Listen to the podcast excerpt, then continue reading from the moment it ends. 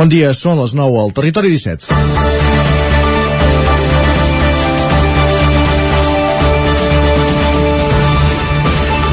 Primer dia del 5, els sindicats de l'ensenyament han convocat de vaga durant aquest mes de març per protestar, entre d'altres motius, per la falta de diàleg amb el departament després de prendre unilateralment la decisió que els alumnes comencin el curs una setmana abans, al mes de setembre, amb jornada intensiva infantil i primària, i avançar el curs dos dies en la casa secundària.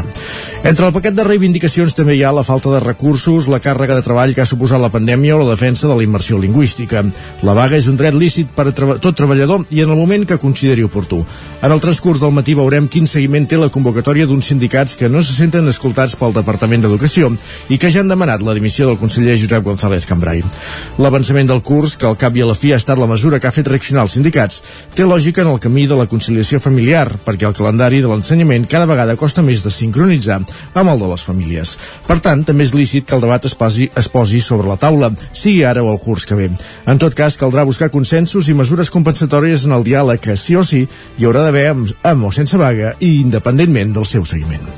Dimarts, 15 de març de 2022, comença el Territori 17 a la sintonia d'Ona Codinenca, a la veu de Sant Joan, Ràdio Cardedeu, Ràdio Vic, el 9 FM i el 9 TV. Territori 17, amb Isaac Moreno i Jordi Sunyer.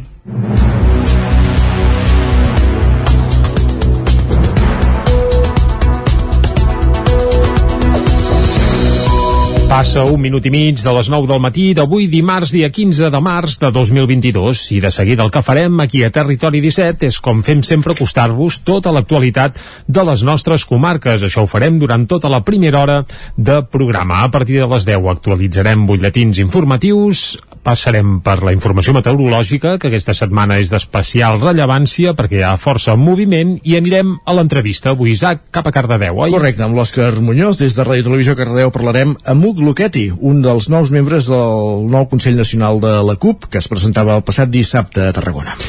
Tot seguit, a dos quarts d'onze ens visitarà en Guillem Sánchez, amb qui recollirem unes quantes piulades, la farem petar i anirem a la taula de redacció. I després serà qüestió de parlar d'energia. Avui ho farem amb dues parts. A la primera amb Gil Salvans, tècnic de l'Agència Local de l'Energia d'Osona, i candidat a usonenc de l'any, val a dir-ho. Uh, amb ell parlarem... I haurem de comentar això, eh? Exacte. Com m'ho paeix, jo com ho ha paït. Sí, com sí. ho porta. Amb ell parlarem de l'increment de preus i com s'hi pot fer front, evidentment, des, de, des del foment de les energies sostenibles. Passarem per l'informatiu i a un quart de dotze ens acompanyarà en Joan Carles Arredondo també per intentar explicar eh, com és que els efectes de la guerra han fet han incidit també en l'increment del preu del gas i en conseqüència també amb el de la llum. Doncs tot això ho farem durant un programa que, Pere, que encara ens queda per repassar la darrera mitja hora, dos Correcte. quarts de dotze, correcte, com cada dia pujarem a la R3, a la Trenc d'Alba, i avui, que és dimarts, acabarem amb el racó de pensar. Com sempre, amb la Maria López des de Ràdio Televisió Cardedeu. I ara que ja ho tenim tot repassat, el que ens toca és, com fem sempre, arrencar, tot acostant-vos l'actualitat de casa nostra. Ja ho sabeu, l'actualitat de les comarques del Ripollès, Osona, el Moianès i el Vallès Oriental. Moment ara de fer de ba balanç dels do, de, dos anys després de la decre, del decret de l'estat d'alarma per part del govern central en el marc de, de l'aparició de la pandèmia de la Covid-19. En aquell moment, Mònica Carol, cap de Vigilància Epidemiològica a la Catalunya Central, ja va denuar-se de la magnitud de la crisi sanitària que tenia al davant. Dos anys després hem fet balanç del cost professional, però també personal, que li ha suposat posar-se al capdavant d'un servei que sense descans ha monitoritzat les dades de la pandèmia. Mònica Carol és la cap de Vigilància Epidemiològica i Resposta a Emergències de Salut Pública a la Catalunya Central. Al març d'ara fa dos anys la vida professional li va canviar per complet amb la detecció el 3 de març del 2020 del primer cas de coronavirus a la regió sanitària de la Catalunya Central. Des de llavors s'ha fet un fart de monitoritzar dades i preparar informes tècnics que han fonamentat decisions polítiques com per exemple el tancament l'11 de març del 2020 de la Conca d'Oda en el primer gran focus de la pandèmia a tot l'Estat. Només tres dies després, el 14 de març, el govern espanyol decretava l'estat d'alarma i començava el confinament. Sis onades després, Carol admet que la pandèmia, ara sí, podria haver fet el tom definitiu. L'escoltem.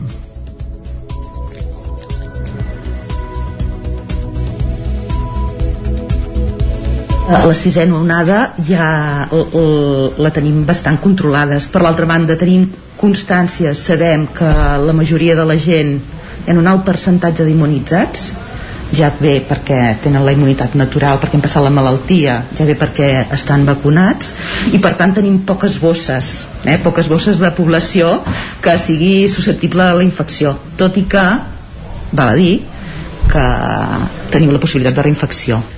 Des de l'esclat de la pandèmia a la Catalunya central s'hi han confirmat 172.371 casos i 2.702 persones han perdut la vida per causes relacionades amb el virus. Amb 54.572 casos confirmats fins ara, Osona s'ha mantingut durant bona part de la pandèmia al pòdium de les zones amb pitjors indicadors. També ha seguit un patró diferent de la resta de comarques catalanes. La segona onada, per exemple, va arribar abans aquí que a molts altres llocs i durant molts mesos no hi havia manera que baixés la incidència, un fet que en perspectiva Carol associa a una suma de factors. El que tenim molt clar és que és una comarca acolli acollidora, eh? és una comarca amb molts fluxos de població, eh? tant perquè tenim un, una potència universitària important com perquè tenim la indústria càrnica com d'altres elements per altra banda tenim moltes cultures i llengües diferents que probablement dificulten els canals de comunicació això seria un altre element a tenir en compte també. I després també tenim una, una comarca amb molt associacionisme i molts equips de esportius a la Catalunya central ja s'han administrat més d'1,3 milions de dosis de la vacuna, el que es tradueix en una cobertura en pauta completa del 77%, un índex de vacunació que, segons Carol, permetrà fer front amb garanties a una més que possible setena onada. Es calcula que una de cada 10 persones que ha passat la Covid-19 té símptomes permanents de la malaltia, el que es coneix com a Covid persistent. Ara coneixem el cas d'una d'elles, d'una que ho pateix, la manlleuenca Mireia Queixàs. La Mireia té 24 anys i ha passat dues vegades la malaltia. Després de la primera ja li van diagnosticar Covid persistent, un fet que continua condicionant el seu dia a dia. Escoltem a Mireia Queixàs. He anat al pneumòleg, m'han donat medicació, inhaladors, que sí que els primers mesos semblava que funcionessin, però després va veure que no, que, no, que continuava igual, que no millorava, i tot això. Ara vaig al cardiòleg, ja així aquí a Vic, no hi ha cap unitat Covid persistent, però, per exemple, a Can Ruti, sí que hi ha, un, hi ha una unitat principal de Covid persistent, que estan col·lapsats perquè hi ha moltíssima gent. Per acabar-ho d'adobar, a principis d'aquest hivern, quan semblava que ja anava millor, va tornar a agafar la Covid. Sí, jo al desembre del 2021 el vaig tornar a agafar. S'ha de dir que el vaig agafar una mica més lleu, però el fet que jo ja tenia la simptomatologia del Covid persistent, doncs se'm van despertar encara més aquests símptomes i se m'han afegit dolor muscular i tot plecat em feien les cames em canso molt, m'ofego i he de parar perquè el cor em va molt ràpid i necessito parar perquè si no, no, no tiro. Abans del Covid, Caixàs jugava a futbol sala a Manlleu i ara ho ha hagut de deixar. De moment tampoc ha pogut tornar a treballar amb normalitat. Treballar també no puc fer la mateixa energia, el mateix que ho feia, si tinc ajudes, que un, insist que, que hi ha un treball i la guia de Montrodon doncs, m'han ajudat, m'han fet costat i estan al meu costat i m'ajuden sempre. Caixàs té l'esperança que la investigació avanci ràpid i que ben aviat puguin posar remei al seu malestar. L'objectiu, tornar a ser la Mireia d'abans de la Covid. El risc de rebrot de la Covid-19 al Ripollès està a punt de baixar dels 200 punts, tot i l'arribada de la variant Omicron silenciosa, amb Isaac Muntades des de la veu de Sant Joan. Feia temps que les dades epidemiològiques del Ripollès pel que fa a la Covid-19 no eren tan bones. La situació s'està normalitzant a pas de gegant i l'índex de risc de rebrot de la comarca ja és de només 219 punts, una mica menys de la meitat que la xifra de fa una setmana. La taxa de propagació del virus URT també s'ha rebaixat i ja se situa en el 0,52 punts. Del 3 al 9 de març, que és de l'última setmana que es tenen casos registrats, només s'han detectat 31 positius de les gairebé 500 proves PCR o de test d'antígens que es van fer, que equival a una taxa de positivitat per sota del 5%. El nombre de defuncions a la comarca continua sent de 104. El director de l'àrea bàsica de salut de Ripoll, Sant Joan de les Abadeses i Camprodon, Pedro Cabrero, també és optimista i creu que la previsió és que la pandèmia decaigui al mateix ritme que les restriccions. Una de les primeres que s'hauria de suprimir a parer seu és el fet de portar mascareta en espais interiors. Cabrero també va parlar sobre la nova soca de la variant Omicron. S'està parlant d'una Omicron silenciosa, no? que diuen que tenen més capacitat de contagi, que té més capacitat d'escapar de les defenses, però això eh, s'està demostrant en, en estudis experimentals. El que es veu en, en estudis en realitat, en l'epidemiologia real, sembla ser que no. Sembla que anem a un temps de bonança, anem al bon temps i això semblarà que vagi millor. Serà l'última onada, suposo que és la pregunta que tots us estem fent, Jo crec que no, però com ja ens va dir la, la grip del 19, és que n'hi haurà brots cada vegada amb menys intensitat o menys, menys impacte sobre la, la salut o sobre el sistema sanitari. Aquesta situació favorable de les darreres setmanes ha permès ampliar fa pocs dies l'horari de visites als pacients ingressats a l'Hospital de Can de Bànol, que ara es poden anar a veure de les 12 del migdia a les 2 de la tarda i de 6 a 8 de la tarda. Això sí, es manté la mesura que la visita sigui de només un acompanyant i que preferiblement sigui sempre el mateix. Les xifres de vacunació al Ripollès continuen sent positives. Hi ha 20.679 habitants amb almenys una dosi, 20.238 amb la pauta completa i 11.282 amb la tercera dosi posada. Des de l'inici de la pandèmia ja s'han diagnosticat 8.208 casos de Covid-19 al Ripollès. Canviant de qüestió, el litre de gasolina arriba ja als 2 euros a algunes benzineres del territori 17. A la tendència alcista post-Covid s'hi sumen ara els efectes de la guerra d'Ucraïna. La tendència a l'alça del carburant del darrer any s'ha vist accentuada de sobte en els darrers 15 dies, arran dels atacs russos a Ucraïna. Aquesta setmana a Osona, el Ripollès i el Moianès ja hi havia gasolineres amb el preu de la gasolina sense plom 95 i el dièsel al llindar dels 2 euros. 1,91 al dièsel i 1,99 la sense plom 95 a la gasolinera Q8, per exemple, de Casa Nova de Baix a Ripoll, la més cara de les tres comarques. Només en aquesta benzinera l'increment és del 29,7% en el cas del dièsel i del 21,8% en la gasolina en el darrer mes. L'aturada del 2020 per la pandèmia va propiciar una baixada de la demanda i, en conseqüència, també una reducció dels preus dels carburants, que s'han anat recuperant l'últim any i accentuant en els darrers mesos, perquè encara no s'havia recuperat la producció prepandèmica. Aquest dimecres, per exemple, el barril de Brent se situava en els 128,3 dòlars, una dada pràcticament històrica, comparable amb el pic del 2008, quan valia 147 dòlars. A la tendència alcista post-Covid s'hi sumen ara els efectes de la guerra a Ucraïna i en pocs dies els experts auguren que el preu del litre superarà els 2 euros a moltes més benzineres de l'Estat, on la gasolina de 95 octans s'ha encarit en només una setmana un 4,4%, mentre que el gasoil ho ha fet un 5,6%. El preu podria continuar augmentant després de la prohibició anunciada pels Estats Units i el Regne Unit sobre les, les importacions de cru rus. Davant d'aquest increment desmesurat de preus, la patronal espanyola d'estacions de servei ha demanat que hi hagi una rebaixa de l'IVA dels carburants, que ara és del 21%, i passi al 10%. Aquesta mesura, però, és contrària a la proposta dels 16 experts per a la reforma fiscal, que proposen un impost que iguali la fiscalitat de dièsels i gasolines. Els reptes de futur que té Osona es posaran a debat en un acte que es farà aquest dijous a l'Atlàntida de Vic. La jornada, impulsada per Creació, culminarà amb la lectura d'un manifest per part de tots els agents implicats. Organitzacions empresarials i sindicals i institucions públiques amb l'organització de Creació participaran en un acte aquest dijous a les 6 de la tarda a l'Atlàntida de Vic, en què desgranaran els projectes de futur de la comarca d'Osona. A partir del títol Quins són els reptes de futur d'Osona, el director editorial del 9-9, Agustí Danés, conversarà tant amb representants polítics com directius tècnics que lideren diferents projectes. Així, tot conversant amb Anna R, Sergio Ponsà, Josep Arimany, Joan Carles Rodríguez, Jordi Julià, Marina Geli o Àlex Garrido, s'abordaran qüestions com l'abandonament dels estudis, la mobilitat, la producció d'aliments, la digitalització de la societat o la millora de l'atenció sanitària. L'acte, que és de lliure accés, culminarà amb la lectura d'un manifest conjunt per part de tots els agents implicats. Canviant de qüestió, la construcció de l'edifici destinat a l'habitatge juvenil a Caldes de Montbui, que estarà fet amb contenidors marítims, segueix a bon ritme. Caral Campàs, des d'Ona Codinenca. El nou habitatge per joves situat a l'Avinguda Fontcoberta de Caldes, davant el Parc Romà Martí, estarà finalitzat d'aquí a nou mesos. Així ho ha anunciat el regidor d'Urbanisme, Jordi Martín, en la visita als mòduls fets amb contenidors marítims que s'està habilitant en una nau del polígon La Borda. Aquest és un nou equipament que estarà destinat a joves amb dificultats a l'hora d'emancipar-se. Martín detallava les característiques que tindrà aquest bloc que comptarà amb tres pisos.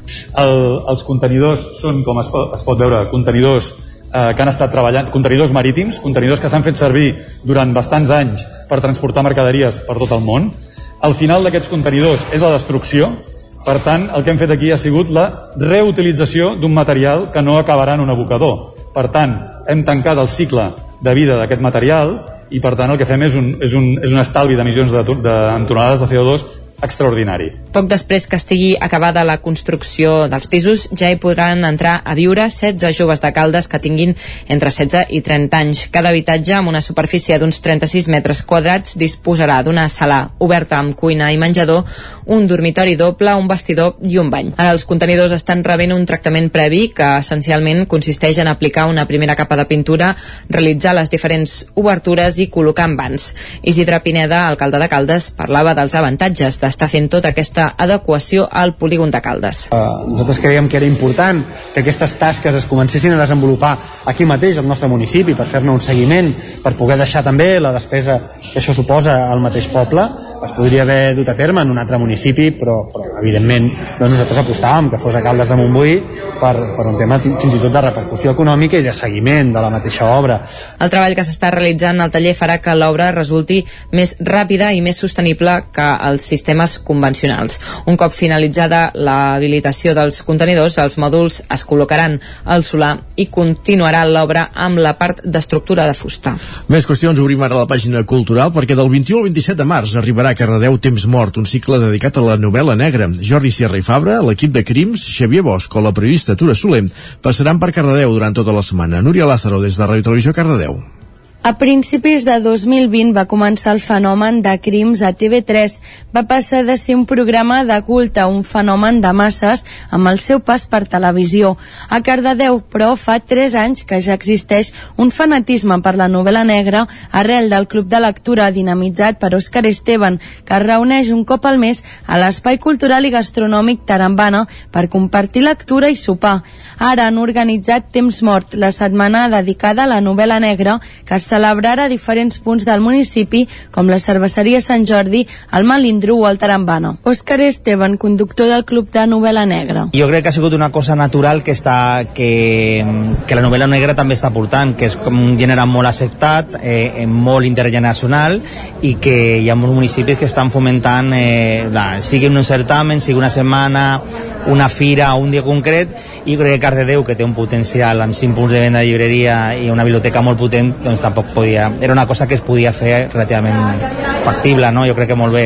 A la presentació de la setmana de la novel·la negra es va presentar també una etapa negra feta pel Tarambana dedicada a temps mort. Qualsevol persona que es vulgui afegir al club de lectura de novel·la negra pot adreçar-se al Tarambana, al Compàs o a la biblioteca, des d'on es faran també actes en relació a la setmana de la novel·la negra. També podeu seguir el seu Instagram temps mort barra baixa Cardedeu per saber cada acte i a l'espai on es farà. Gràcies, Núria. Ens imaginem aquesta tapa negra del Tarambana amb, amb arròs, un fideuà. Tot serà benvingut, segur. Si és per halar, tot. Exacte. I ara, que acabat aquest resum informatiu, el que fem és fer una, un cop d'ull a la previsió meteorològica aquí al Territori 17. Per tant, ja ens esperen, Pepa Costa.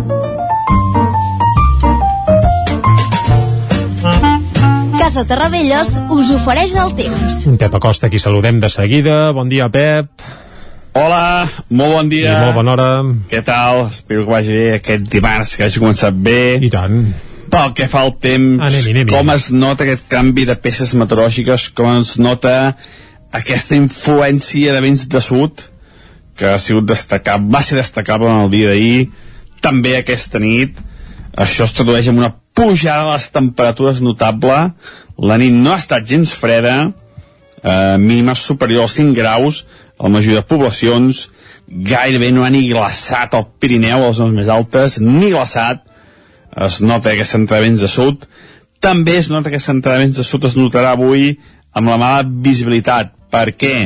Perquè és la pols en suspensió eh, procedent del desert del Sàhara, del, de l'enorme desert que tenim aquí ben a prop, i que quan bufa vent de sud destacable eh, es tradueix amb, amb aquesta polseguera que veiem en suspensió que procedeix, com deia, aquest enorme desert que tenim aquí, aquí a tocar. Uh, què més? Què més destacar el dia d'avui? Doncs que tindrem molts núvols.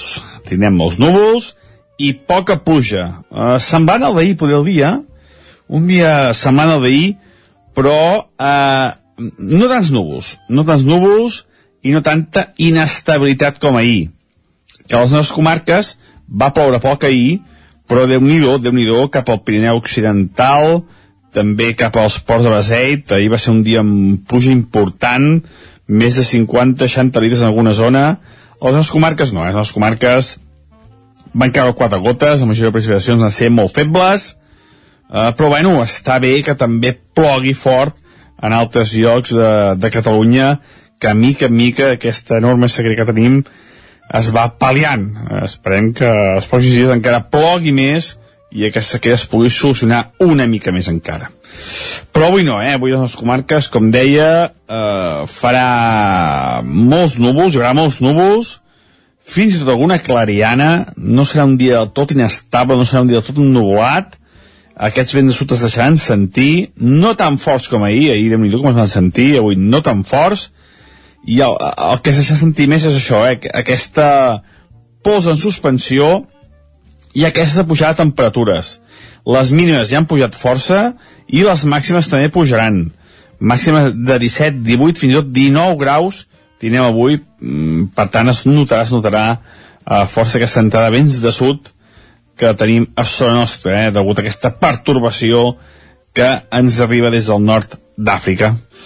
I res més, eh, avui destaquem això, eh, destaquem aquesta pujada de temperatures, eh, l'ambient mm, inestable, però tampoc no molt, molt inestable, núvol, sol, eh, potser quatre gotes, però molt poca cosa, si arriben a caure, i destaquem també aquesta mala visibilitat que serà eh, l'aspecte predominant tot el dia d'avui. I això és tot, a disfrutar el dia d'avui, a disfrutar de dimarts, eh, demà i que estem un dia molt semblant, i a partir de dijous sembla que torna a canviar les peces meteorològiques amb una nova entrada de vents més freds. Però bueno, Mm-hmm. hi ha molta incertesa, veurem què acaba passant, perquè és una setmana moguda, la primavera ja passa això, eh? Són eh, previsions eh, que van canviant dia a dia, hora a hora gairebé, i per tant veurem, haurem d'afinar fins a l'últim moment haurem de, de veure què acaba passant moltes gràcies, adéu, bon dia a tu, adéu doncs res, haurem d'estar pendents d'en Pep Acosta Pendents, hora a hora, cel. minut, minut a minut Exacte. va, a les 10 tocades i tornarem amb en Pep I ara, mentrestant, anem al quiosc. correcte, anem-hi, va Casa Tarradellas us ha ofert aquest espai. Doncs això, moment per saber què diuen els diaris del dia a les seves portades. Doncs- Comencem pel punt avui. Correcte, comencem pel punt avui, com fem pràcticament sempre, i el titular principal al punt avui d'avui és atac i negociació. Uh, evidentment fa referència a la crisi d'Ucraïna. Rússia intensifica el setge a Kiev i manté obertes les converses amb Ucraïna. Aquest és el titular principal. També els països nòrdics extremen l'alerta i a la fotografia és per d'Ucraïna al Vallès, el cas d'una família, doncs això que va deixar Ucraïna i que ara de moment s'ha uh, uh, establert al Vallès. Laura Borràs és a les portes d'anar a judici. Finalment, després de tant... Bé, gairebé des que es va presentar, Sí, recordem-ho, just eh, de cap de llista junts a les espanyoles, després va venir a les catalanes, etc i sembla que finalment doncs, ja ho estan lligant tot perquè acudeixi a judici. Uh, ja veurem què, què acaba passant. Més coses, anem a l'ara. Va, Putin converteix el setge de Mariúpol en un infern. Aquest és el titular principal. També expliquen encerclada per tropes russes, la ciutat és escenari de les imatges més esgarrifoses de la invasió. I es veu una fotografia aèria de la ciutat que és que fa faradat perquè no queda cap edifici eh, que no estigui fumejant o que no estigui mig ensorrat és Mare a dir, que Déu. fa faradat, una ciutat que fins fa això, 15 dies segurament era com bé, eh, com Barcelona i resulta que no s'aguanta res dret. Fa eh, veritable pànic. Tot plegat, 2.500 persones hi han mort, expliquen a l'ara i la gent sobreviu als refugis sense aigua, llum, calefacció ni medicines això s'apunta a la portada de l'ara. També la vaga d'educació arrenca avui amb els serveis mínims més elevats dels últims anys. Cal dir que aquesta vaga en teoria afecta tota la primària, tot secundària però molts centres també cal dir-ho doncs, que han obert amb relativa normalitat Hi ha serveis mínims, si més sí, no. correcte i És a dir, molt- els nens poden anar a l'escola perquè algú els acollirà. Exacte, és uns serveis mínims molt mínims, però també és cert que a més a més hi ha molts mestres eh, que no secunden la vaga, també també hi és aquest cas. Uh -huh. Anem a l'avantguàrdia, va, els Estats Units amenacen la Xina amb sancions si ajuda Rússia militarment. Aquest és el titular principal i també s'apunta que Sánchez apunta a una rebaixa fiscal als carburants i més despesa en defensa. No fos cas que l'exèrcit es quedés sense, sense calés, eh? Sí, que, sense tancs. Sí, o no pogués omplir de gasolina. Clar, és que amb el preu de la benzina i gasten molt, es veu, eh? Aquestes màquines No, militars. No, clar, és que pesen molt, eh? Sí, sí, sí, però no, no gasten com un Opel Corsa, perquè ens entenguem. No. Vull dir que, que això, la millor manera que no gastin és tenir-los parats i congelats, eh? Ho arreglaríem aviat nosaltres, però vaja. Uh, més coses, deixem l'avantguàrdia, anem cap al periòdico, titular principal, el setge a Kiev, i es veu la fotografia d'un grup de, bé, de civils que encara queden a la capital ucraïnesa, doncs amb cares de relatiu pànic i, a més a més, amb això, amb un projectil que ja es nota que ha tocat amb un edifici també de Kiev i es veu un, això, una fotografia impactant com totes les que ens arriben pràcticament des d'Ucraïna. Eh? I també sindicats i associacions s'alien per parar l'escola. Eh, directors de centres expressen el seu disgust contra el conseller Cambrai. Demana molts canvis però sense donar recursos. Això entre cometes, aquest demanar canvis i sense recursos. També els pares admeten que la mesura els suposa un problema però entenen els motius. És a dir, que al periòdic es posen una mica del cantó de, dels mestres en aquest sentit. Anem cap a les portades que s'editen a l'estat espanyol des de Madrid i comencem pel país. El titular principal és que Rússia colpeja les ciutats en plena ofensiva diplomàtica. Les tropes de Putin bombardegen eh, de forma insistent Kiev i també altres ciutats com Mariupol. Això a la portada del país. També Sánchez, Pedro Sánchez negociarà amb els partits la rebaixa fiscal de l'energia, ja ho apuntàvem abans, que uh -huh. sembla que vol abaixar les benzines i es veu que això ho negociarà amb altres partits. També... Menys estan apretant per Europa per, per desvincular el gas de, de l'electricitat, però veurem, això sembla que serà més difícil. Va, sí, més qüestions. més qüestions. Va, atenció, perquè la Xina confina 175 milions de persones per la Covid i a haver un brot important, es veu en un racó de la Xina i ha confinat, a, clar, allà hi ha un brot i confinen 175 milions de persones de cop, eh? són molts, però això també apareix a la portada del país. Anem ràpidament a l'ABC, titular principal per Hisenda, que té marge per a baixar fins a 30 cèntims el combustible, això segons l'ABC, per tant, home, ja ho fitxem ara mateix, eh? si ens abaixen 30 cèntims la benzina, uh, ho fitxem. Uh, més coses de l'ABC, anem cap al Mundo, als Estats Units, alerta que la Xina està disposada a donar armes a Rússia. Aquest és el titular que hi apareix i acabem amb la Razón. Rússia amplia la seva ofensiva i intensifica el bombardeig per conquistar Kiev.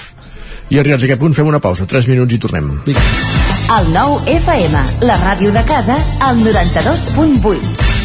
A El racó de León ja és primavera.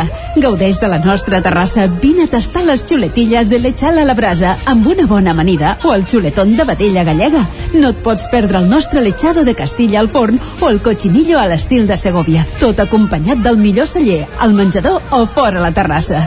Descobreix la millor cuina de Lleó sense moure't de casa. Vine amb la família, els amics, la parella o sol. T'encantarà. El racó de León, cuina tradicional lleonesa i de mercat. Som al carrer Torelló número 35 de Vic. Per reserves, telèfon 93 889 1950. El racó de León, una cuina diferent. Cobertes serveis funeraris. Els nostres tanatoris estan ubicats en els nuclis urbans més poblats de la comarca d'Osona per oferir un millor servei. Tanatori de Vic, Tanatori de Manlleu, Tanatori de Centelles i Tanatori de Roda de Ter. Sabem que són moments difícils i per això el nostre compromís és atendre-us en tot moment amb un tracte humà, sensible i respectuós. Cobertes serveis funeraris. Telèfon 24 hores 93 883 23 46. Això és el que s'escolta al voltant d'una caldera saunia d'Oval. Tranquilitat i benestar, perquè gaudeix del millor manteniment del servei tècnic oficial per estar despreocupat. O el que vulgui. Informis a Oficiat Nord trucant al 938860040. Saunia d'Oval, sempre al seu costat. Rètols 2A. Experts en comunicació visual. Rètols, banderoles, vinils, impressió, plaques gravades, senyalització, display... Rètols Dos Art. Ja són 25 anys al vostre servei. Ens trobareu a la carretera de Vic a Olot, número 7, al polígon Malloles de Vic. dosartvic.com Telèfon 93 889 2588. Al restaurant Xavito Gastro de Vic hi trobaràs una cuina mediterrània i de mercat amb gran varietat de plats, amb arrossos, carn o peix fresc de la llotja cada dia. Vine a dinar de dimarts a divendres i prova el nostre menú diari per només 15 euros o a les nits de dijous a diumenge tastar el nostre menú degustació amb arrossos i tapes per 25 euros. Restaurant Xamito Gastro. Ens trobaràs al carrer Callnou número 9 de Vic i al telèfon 93 094 1172 o al 747 42 92 58. Anuncia't al 9FM. La màquina de casa. 9 3 8 8 9 4 9 4 9. Publicitat arroba al 9FM.cat. Anuncia't al 9FM. La publicitat més eficaç. El 9FM, el 9FM, el 9FM, el 9FM, el 9FM. Territori 17, amb Isaac Moreno i Jordi Sunyer.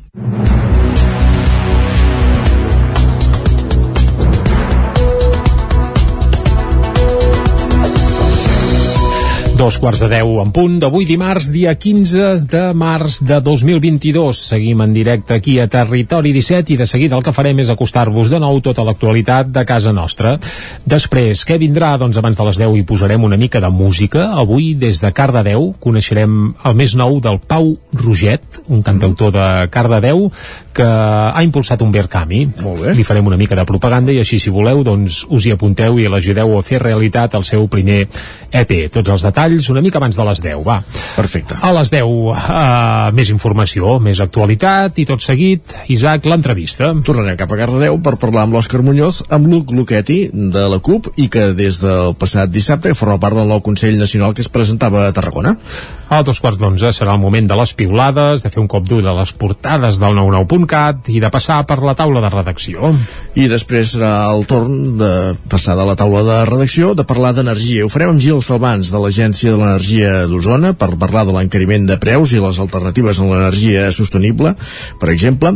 I no serà el primer, el primer aspecte que tocarem energèticament parlant, perquè també parlarem a, a l'espai d'economia amb en Joan Carles Arredondo del per què pugen els preus ara mateix a conseqüència de la guerra d'Ucraïna als preus energètics. Ja ens agradaria saber-ho, ja. I també ens agradaria que baixessin, evidentment. intentarem posar una mica de llum a la foscor. Va, mai tan ben dit. cru. I acabarem, com fem sempre, a la darrera mitja hora, anant en tren, a la R3, a la Trenc d'Alba, i avui que és dimarts, ens tocarà acabar amb el racó de pensar. Amb la Maria López des de Ràdio Televisió Cardedeu, com cada setmana tractant temes relacionats amb l'educació dels nostres fills i filles. I ara el que ens toca és, com sempre, acostar-vos l'actualitat de casa nostra, de casa vostra. Ja ho sabeu, l'actualitat de les comarques del Vallès Oriental, el Moianès, Osona i el Ripollès.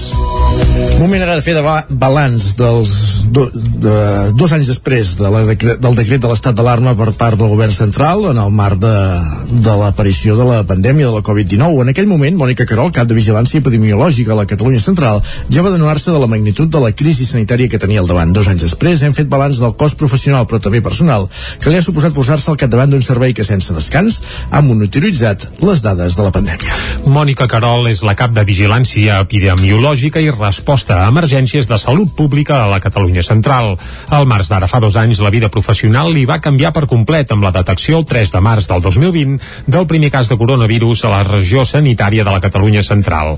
Des de llavors s'ha fet un fart de monitoritzar dades i preparar informes tècnics que han fonamentat decisions polítiques com per exemple el tancament l'11 de març del 2020 de la Conca d'Oda en el primer gran focus de la pandèmia a tot l'Estat. Només tres dies després, el 14 de març, el govern espanyol decretava l'estat d'alarma i començava el confinament. Sis onades després, Carol admet que la pandèmia, ara sí, podria haver fet el tom definitiu. L'escoltem.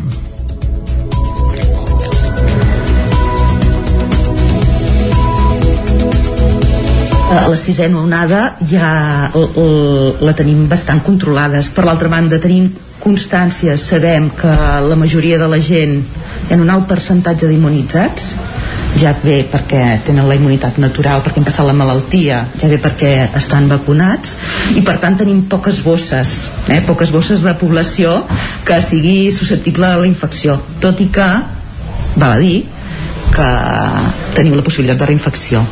Des de l'esclat de la pandèmia a la Catalunya central s'hi han confirmat 172.371 casos i 2.702 persones han perdut la vida per causes relacionades amb el virus. Amb 54.572 casos confirmats fins ara, Osona s'ha mantingut durant bona part de la pandèmia al pòdium de les zones amb pitjors indicadors. També ha seguit un patró diferent de la resta de comarques catalanes. La segona onada, per exemple, va arribar abans aquí que a molts altres llocs i durant molts mesos no hi havia manera que baixés la incidència, un fet que en perspectiva Carol associa a una suma de factors. El que tenim molt clar és que és una comarca acolli acollidora, eh? és una comarca amb molts fluxos de població eh? tant perquè tenim un, una potència universitària important com perquè tenim la indústria càrnica com d'altres elements per altra banda tenim moltes cultures i llengües diferents que probablement dificulten els canals de comunicació això seria un altre element a tenir en compte també. I després també tenim una, una comarca amb molt associacionisme i molts equips de esportius a la Catalunya central ja s'han administrat més d'1,3 milions de dosis de la vacuna, el que es tradueix en una cobertura en pauta completa del 77%, un índex de vacunació que, segons Carol, permetrà fer front amb garanties a una més que possible setena onada. Es calcula que una de cada 10 persones que ha passat la Covid-19 té símptomes permanents de la malaltia, el que es coneix com a Covid persistent. Ara coneixem el cas d'una d'elles, d'una que ho pateix, la mallauenca Mireia Queixàs. La Mireia té 24 anys i ha passat dues vegades la malaltia. Després de la primera ja li van diagnosticar Covid persistent, un fet que continua condicionant el seu dia a dia. Escoltem a Mireia Queixàs. He anat al pneumòleg, m'han donat medicació, inhaladors, que sí que els primers mesos semblava que funcionessin, però després va veure que no, que, no, que continuava igual, que no millorava, i tot això. Ara vaig al cardiòleg, que així aquí a Vic, no hi ha cap unitat Covid persistent, però, per exemple, a Can Ruti sí que hi ha, un, hi ha una unitat principal de Covid persistent, que estan col·lapsats perquè hi ha moltíssima gent. Per acabar-ho d'adobar, a principis d'aquest hivern, quan semblava que ja anava millor, va tornar a agafar la Covid. Sí, jo al desembre del 2021 el, el vaig tornar a agafar. S'ha de dir que el vaig agafar una mica més lleu, pel fet que jo ja tenia la simptomatologia del Covid persistent, doncs se'm van despertar encara més aquests símptomes i se m'han afegit dolor muscular i tot plegat em feien les cames. Em canso molt, m'ofego i he de parar, perquè el cor em va molt ràpid i necessito parar perquè si no, no, no tiro. Abans del Covid, Queixàs jugava a futbol sala a Manlleu i ara ho ha hagut de deixar. De moment tampoc ha pogut tornar a treballar amb normalitat. Treballar també no puc fer la mateixa energia, el mateix que ho feia, si tinc ajudes, que un, així, que, que hi ha un treball i la gent de Montrodon doncs, m'han ajudat, m'han fet costat i estan al meu costat i m'ajuden sempre. Queixàs té l'esperança que la investigació avanci ràpid i que ben aviat puguin posar remei al seu malestar. L'objectiu, tornar a ser la Mireia d'abans de la Covid. El risc de rebrot de la Covid-19 al Ripollès està a punt de baixar dels 200 punts, tot i l'arribada de la variant Omicron silenciosa, amb Isaac Muntades des de la veu de Sant Joan. Feia temps que les dades epidemiològiques del Ripollès pel que fa a la Covid-19 no eren tan bones. La situació s'està normalitzant a pas de gegant i l'índex de risc de rebrot de la comarca ja és de només 219 punts, una mica menys de la meitat que la xifra de fa una setmana. La taxa de propagació del virus URT també s'ha rebaixat i ja se situa en el 0,52 punts. Del 3 al 9 de març, que és de l'última setmana que es tenen casos registrats, només s'han detectat 31 positius de les gairebé 500 proves PCR o de test d'antígens que es van fer, que equival a una taxa de positivitat per sota del 5%. El nombre de defuncions a la comarca continua sent de 104. El director de l'àrea bàsica de salut de Ripoll, Sant Joan de les Abadeses i Camprodon, Pedro Cabrero, també és optimista i creu que la previsió és que la pandèmia decaigui al mateix ritme que les restriccions. Una de les primeres que s'hauria de suprimir a parer seu és el fet de portar mascareta en espais interiors. Cabrero també va parlar sobre la nova soca de la variant Omicron. S'està parlant d'una Omicron silenciosa, no? que diuen que tenen més capacitat de contagi, que té més capacitat d'escapar de les defenses, però això eh, s'està demostrant en, en estudis experimentals. El que es veu en, en estudis en realitat, en l'epidemiologia real, sembla ser que no. Sembla que anem a un temps de bonances, anem al bon temps i això semblarà que vagi millor. Serà l'última onada? Suposo que és la pregunta que tots us estem fent. Jo crec que no, però com ja ens va dir la, la grip del 19, és que n'hi haurà brots cada vegada amb menys intensitat o menys, menys impacte sobre la, la salut o sobre el sistema sanitari. Aquesta situació favorable de les darreres setmanes ha permès ampliar fa pocs dies l'horari de visites als pacients ingressats a l'Hospital de Can de Bànol, que ara es poden anar a veure de les 12 del migdia a les 2 de la tarda i de 6 a 8 de la tarda. Això sí, es manté la mesura que la visita sigui de només un acompanyant i que preferiblement sigui sempre el mateix. Les xifres de vacunació al Ripollès continuen sent positives i hi ha 20.679 habitants amb almenys una dosi, 20.238 amb la pauta completa i 11.282 amb la tercera dosi posada. Des de l'inici de la pandèmia ja s'han diagnosticat 8.208 casos de Covid-19 al Ripollès. Canviant de qüestió, el litre de gasolina arriba ja als 2 euros a algunes benzineres del territori 17. A la tendència alcista post-Covid s'hi sumen ara els efectes de la guerra d'Ucraïna. La tendència a l'alça del carburant del darrer any s'ha vist accentuada de sobte en els darrers 15 dies, arran dels atacs russos a Ucraïna. Aquesta setmana a Osona, el Ripollès i el Moianès ja hi havia gasolineres amb el preu de la gasolina sense plom 95 i el dièsel al llindar dels 2 euros. 1,91 al dièsel i 1,99 la sense plom 95 a la gasolinera Q8, per exemple, de Casa Nova de Baix a Ripoll, la més cara de les tres comarques. Només en aquesta benzinera l'increment és del 29,7% en el cas del dièsel i del 21,8% en la gasolina en el darrer mes. L'aturada del 2020 per la pandèmia va propiciar una baixada de la demanda i en conseqüència també una reducció dels preus dels carburants que s'han anat recuperant l'últim any i accentuant en els darrers mesos perquè encara no s'havia recuperat la producció prepandèmica.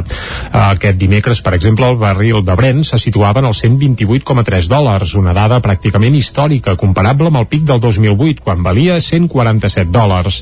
A la tendència alcista post-Covid s'hi sumen ara els efectes de la guerra a Ucraïna i en pocs dies els experts auguren que el preu del litre superarà els 2 euros a moltes més benzineres de l'Estat, on la gasolina de 95 octans s'ha encarit en només una setmana un 4,4%, mentre que el gasoil ho ha fet un 5,6%.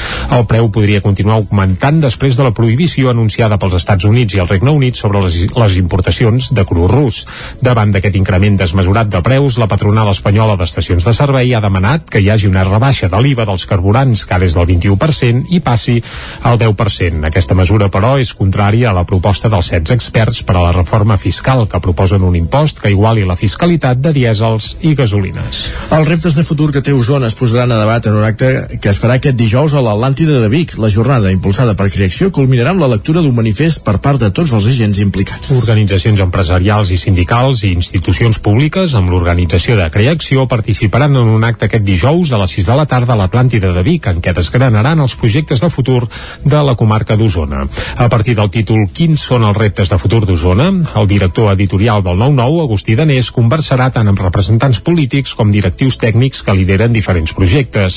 Així, tot conversant amb Anna R, Sergio Ponsà, Josep Arimany, Joan Carles Rodríguez, Jordi Julià, Marina Geli o Àlex Garrido, s'abordaran qüestions com l'abandonament dels estudis, la mobilitat, la producció d'aliments, la digitalització de la societat o la millora de l'atenció sanitària.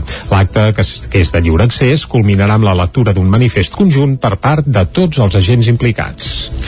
Canviant de qüestió, la construcció de l'edifici destinat a l'habitatge juvenil a Caldes de Montbui, que estarà fet amb contenidors marítims, segueix a bon ritme. Caral Campàs, des d'Ona Codinenca. El nou habitatge per joves situat a l'Avinguda Fontcoberta de Caldes, davant el Parc Romà Martí, estarà finalitzat d'aquí a nou mesos. Així ho ha anunciat el regidor d'Urbanisme, Jordi Martín, en la visita als mòduls fets amb contenidors marítims que s'està habilitant en una nau del polígon La Borda. Aquest és un nou equipament que estarà destinat a joves amb dificultats a l'hora d'emancipar-se. Martín detallava les característiques que tindrà aquest bloc que comptarà amb tres pisos. El, els contenidors són, com es pot, es pot veure, contenidors eh, que han estat treballant, contenidors marítims, contenidors que s'han fet servir durant bastants anys per transportar mercaderies per tot el món.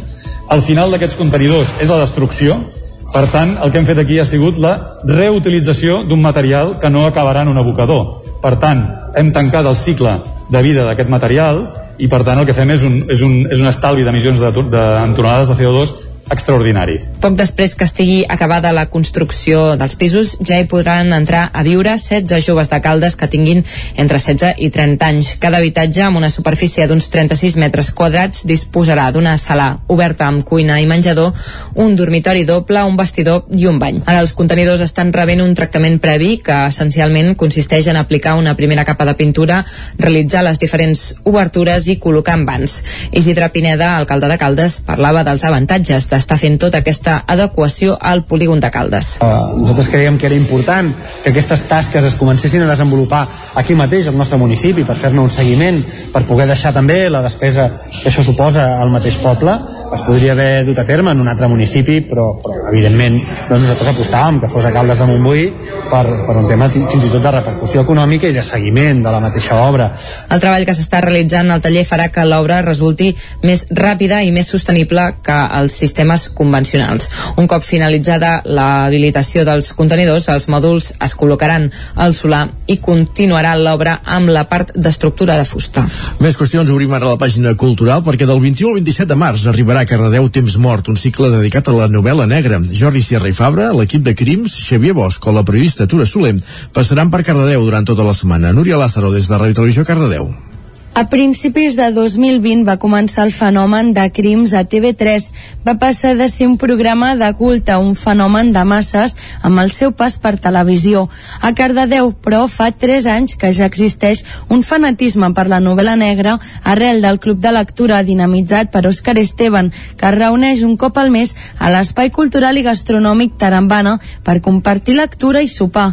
Ara han organitzat Temps Mort, la setmana dedicada a la novel·la negra, que es celebrarà a diferents punts del municipi, com la cerveseria Sant Jordi, el Malindru o el Tarambana. Òscar Esteban, conductor del Club de Novel·la Negra. Jo crec que ha sigut una cosa natural que, està, que, que la novel·la negra també està portant, que és com un gènere molt acceptat, eh, molt intergeneracional, i que hi ha molts municipis que estan fomentant, eh, la, sigui un certamen, sigui una setmana, una fira o un dia concret, i jo crec que Cardedeu, que té un potencial amb 5 punts de venda de llibreria i una biblioteca molt potent, doncs tampoc podia, era una cosa que es podia fer relativament factible, no? jo crec que molt bé. A la presentació de la setmana de la novel·la negra es va presentar també una etapa negra feta pel Tarambana dedicada a temps mort. Qualsevol persona que es vulgui afegir al club de lectura de novel·la negra pot adreçar-se al Tarambana, al Compàs o a la biblioteca, des d'on es faran també actes en relació a la setmana de la novel·la negra. També podeu seguir el seu Instagram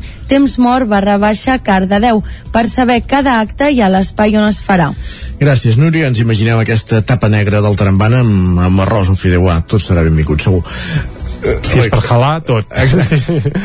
I ara, que acabat aquest resum informatiu, el que fem és fer una, un cop d'ull a la previsió meteorològica aquí al Territori 17. Per tant, ja ens espera en Pep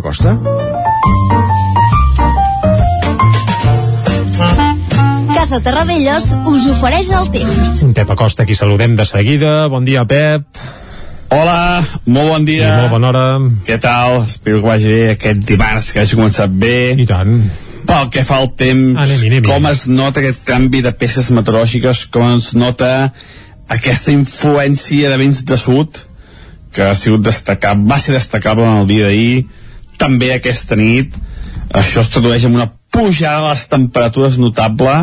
La nit no ha estat gens freda, eh, mínimes superior als 5 graus, a la majoria de poblacions, gairebé no ha ni glaçat al Pirineu, les zones més altes, ni glaçat, es nota aquesta entrada de sud, també es nota que aquesta entrada de vents de sud es notarà avui amb la mala visibilitat. Per què? Perquè és la pols en suspensió eh, procedent del desert del Sàhara, del, de l'enorme desert que tenim aquí ben a prop i que quan bufa vent de sud destacable eh, es tradueix amb, amb aquesta polseguera que veiem en suspensió que procedeix, com deia, aquest enorme desert que tenim aquí, aquí a tocar. Uh, què més? Què més destacar el dia d'avui? Doncs que tindrem molts núvols. Tindrem molts núvols i poca pluja. Uh, semblant al d'ahir, podria el dia, un dia semblant al d'ahir, però uh, no tants núvols, no tants núvols i no tanta inestabilitat com ahir.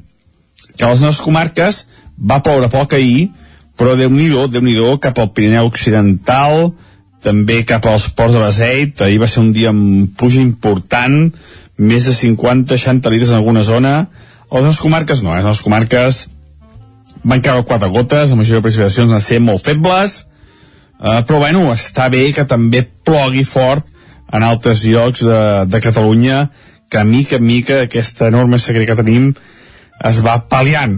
Esperem que els pròxims dies encara plogui més i aquesta sequera es pugui solucionar una mica més encara.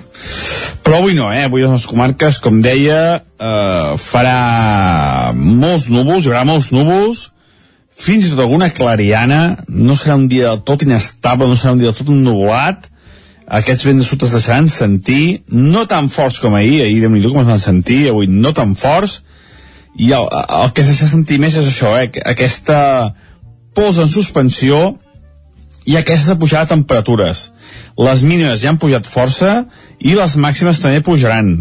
Màximes de 17, 18, fins i tot 19 graus tindrem avui, mm, per tant es notarà, es notarà eh, força aquesta entrada vents de sud que tenim a sobre nostra, eh, degut a aquesta pertorbació que ens arriba des del nord d'Àfrica. I res més, eh, avui destaquem això, eh, destaquem aquesta pujada de temperatures, eh, l'ambient mm, inestable, però tampoc no molt, molt inestable, núvol, sol, eh, potser quatre gotes, però molt poca cosa, arriben a caure, i destaquem també aquesta mala visibilitat que serà eh, l'aspecte predominant tot el dia d'avui. I això és tot, a disfrutar el dia d'avui, a disfrutar de dimarts, eh, demà i que estem un dia molt semblant, i a partir de dijous sembla que torna a canviar les peces meteorològiques amb una nova entrada de vents més freds. Però bueno, hi ha molta incertesa, veurem què acaba passant, perquè és una setmana moguda, la primavera ja passa això, eh? Són eh, previsions eh, que van canviant dia a dia, hora a hora gairebé, i per tant veurem, haurem d'afinar fins a l'últim moment haurem de, de veure què acaba passant moltes gràcies, adeu, bon dia a tu, adeu doncs res, haurem d'estar pendents d'en Pep Acosta Pendents, hora a hora, minut, minut a minut Exacte. va, a les 10 tocades i tornarem amb en Pep I ara, mentrestant, anem al quiosc. correcte, anem-hi, va Casa Tarradellas us ha ofert aquest espai. Doncs això, moment per saber què diuen els diaris del dia a les seves portades. Doncs- Comencem pel punt avui. Correcte, comencem pel punt avui, com fem pràcticament sempre, i el titular principal al punt avui d'avui és atac i negociació. Uh, evidentment fa referència a la crisi d'Ucraïna. Rússia intensifica el setge a Kiev i manté obertes les converses amb Ucraïna. Aquest és el titular principal. També els països nòrdics extremen l'alerta i a la fotografia és per d'Ucraïna al Vallès. El cas d'una família, doncs això, que va deixar Ucraïna i que ara de moment s'ha uh, uh, establert al Vallès. Laura Borràs és a les portes d'anar a judici. Finalment, després de tant... Bé, gairebé des que es va presentar, Sí, recordeu-ho, just eh, de cap de llista junts a les espanyoles, després va venir a les catalanes, etc i sembla que finalment doncs, ja ho estan lligant tot perquè acudeixi a judici. Uh, ja veurem què, què acaba passant. Més coses, anem a l'ara. Va, Putin converteix el setge de Mariúpol en un infern. Aquest és el titular principal. També expliquen encerclada per tropes russes, la ciutat és escenari de les imatges més esgarrifoses de la invasió. I es veu una fotografia aèria de la ciutat que és que fa faradat perquè no queda cap edifici eh, que no estigui fumejant o que no estigui mig ensorrat és Mare a dir, que Déu. fa faradat. Una ciutat que fins fa això, 15 dies segurament era com bé, eh, com Barcelona i resulta que no s'aguanta res dret. Fa eh, veritable pànic. Tot plegat, 2.500 persones hi han mort, expliquen a l'ara, i la gent sobreviu als refugis sense aigua, llum, calefacció ni medicines. Això s'apunta a la portada de l'ara. També la vaga d'educació arrenca avui amb els serveis mínims més elevats dels últims anys. Cal dir que aquesta vaga, en teoria, afecta tota primària, tot secundària, però molts centres, també cal dir-ho, doncs, que han obert amb relativa normalitat. Ha Ho serveis mínims, si més Sí, no. correcte. I És a dir, molt- els nens poden anar a l'escola perquè algú els acollirà. Exacte, és uns serveis mínims molt mínims, però també és cert que a més a més hi ha molts mestres eh, que no secunden la vaga, també també hi és aquest cas. Uh -huh. Anem a l'avantguàrdia, va, els Estats Units amenacen la Xina amb sancions si ajuda Rússia militarment. Aquest és el titular principal i també s'apunta que Sánchez apunta a una rebaixa fiscal als carburants i més despesa en defensa. No fos cas que l'exèrcit es quedés sense, sense calés, eh? Sí, que, sense tanc. Sí, o no pogués omplir de gasolina, clar, és que amb el preu de la benzina i gasten molt, es veu, eh, aquestes màquines No, no, militars. no, clar, és que pesen molt, eh? Sí, sí, sí, però no, no gasten com un Opel Corsa, perquè ens entenguem. No, no. Vull dir que, que això, la millor manera que no gastin és tenir-los parats i congelats, eh? Ho arreglaríem aviat nosaltres, però vaja.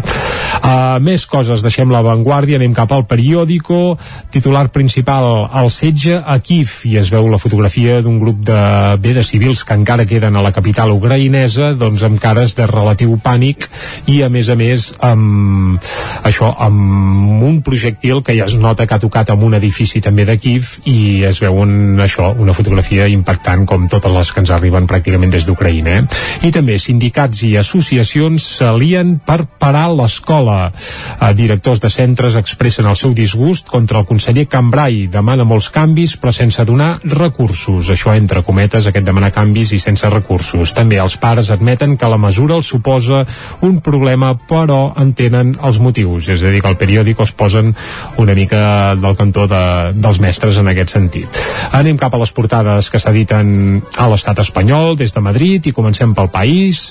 El titular principal és que Rússia colpeja les ciutats en plena ofensiva diplomàtica. Les tropes de Putin bombardegen eh, de forma insistent Kiev i també altres ciutats com Mariupol. Això a la portada del país. També Sánchez, Pedro Sánchez negociarà amb els partits la rebaixa fiscal de l'energia, ja ho apuntàvem abans, que uh -huh. sembla que vol abaixar les benzines i es veu que això ho negociarà amb altres partits. També... També estan apretant per Europa per, per desvincular el gas de, de l'electricitat, però veurem, això sembla que serà més difícil. Va, sí, més qüestions. més qüestions. Va, atenció, perquè la Xina confina 175 milions de persones per la Covid i torna a un brot important, es veu en un racó de la Xina i ha confinat, a, clar, allà hi ha un brot i confinen 175 milions de persones de cop, eh? són molts. Però això també apareix a la portada del país. Anem ràpidament a l'ABC, titular principal per Hisenda, que té marge per a baixar fins a 30 cèntims el combustible. Això segons l'ABC. Per tant, home, ja ho fitxem ara mateix, eh? Si ens abaixen 30 cèntims la benzina, uh, ho fitxem. Uh, més coses de l'ABC, anem cap al Mundo. Els Estats Units alerta que la Xina està disposada a donar armes a Rússia. Aquest és el titular que hi apareix i acabem amb la Razón. Rússia amplia la seva ofensiva i intensifica el bombardeig per conquistar Kiev. Doncs vinga, que continu, continua el setge de Rússia sobre Ucraïna, queda uh Mhm. -huh. reflectit a les portades del dia i serà moment de posar-hi música, Jordi. Sí, és el moment de posar-hi música i avui hi hem avançat que té relació amb un procés d'aquests de micromecenatge del qual sovint ens fem ressò aquí Territori 17 perquè és molt habitual que músics, bé, no només nostrats sinó també de- d'arreu dels països catalans doncs a l'hora d'impulsar els seus treballs què fan? Doncs venen el disc abans de gravar-lo i Sí, d'aquesta financen. manera doncs financen la gravació, l'edició i els mecenes, és a dir, tu que el compres abans d'hora, doncs t'assegures que tens el disc físic, que estarà en condicions i que és fantàstic. Per tant, si podeu, eh, apunteu-vos a fer vercamis, micromecenatges, el que sigui. Un dels que ho farà properament, bé, no ho farà properament, sinó que ja ho ha encetat, és el Pau Roget, és un cantautor de Cardedeu, de tall roquer, que el que vol és impulsar un nou EP que es titularà, es titularà Trèvol i bé, i serà el seu àlbum de debut. El Pau Roget ja ha fet alguna coseta però amb aquest EP vol debutar i atenció ho vol fer amb quatre temes i vol gravar i a més a més també un film. És a dir que serà uh, un disc que tindrà part visual i part acústica. Per tant una cosa molt, molt llaminera. I a més el Pau Roget ho gravarà al costat de Massa Viu. Massa Viu són un trio precisament de Cardedeu i Sant Esteve de Palau Tordera que seria una mica la banda que l'acompanya. Si et sembla el que farem ara mateix és escoltar una de les peces del Pau Roget, sí. concretament una cançó que es titula 17 i Com el bé, territori. correcte, per això hem triat la més nostrada i de passada doncs us convidem a apuntar-vos al seu barcami per fer possible el seu debut amb aquest àlbum que es titularà Trèvol. Pau Roget, fins a les 10.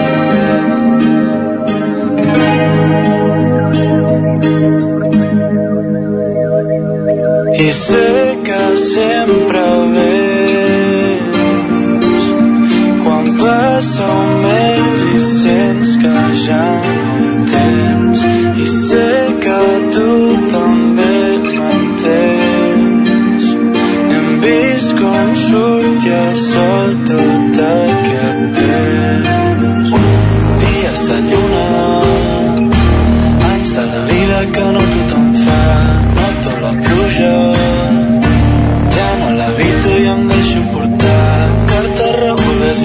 històries que ja no podrem oblidar. Tots aquells dies que tinc que doy fred, que comencen per i acaben per ser.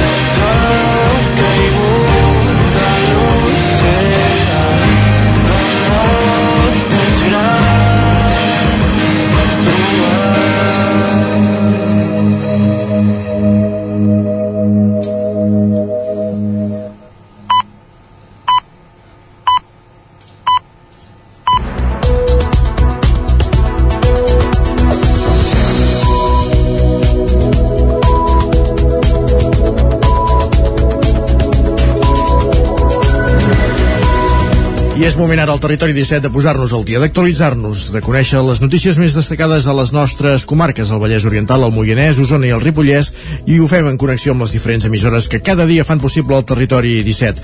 Ràdio Cardedeu, Ona Codinenca, la veu de Sant Joan, Ràdio Vic, el 9 FM i el 9 TV. Gir de guió en el tancament de l'escola El Roser de Sant Julià de Vilatorta, el conseller d'Educació Josep González Cambrai ha fet una primera proposta a Ricardo Bofill com a president de la Fundació Puig i Cunyem als gestors del col·legi per injectar diners al centre i evitar-ne el tancament un cop acabi aquest curs.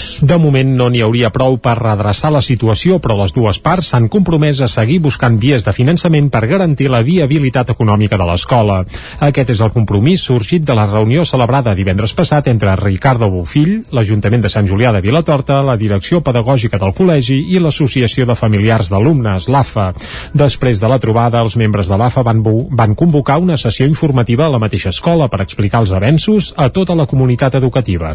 Els detalla Montse Sans, vicepresidenta de l'AFA del col·legi El Roser. El que ens fa arribar en Bofill és que eh, el que ell intentarà és mirar totes les vies possibles per solucionar aquest problema.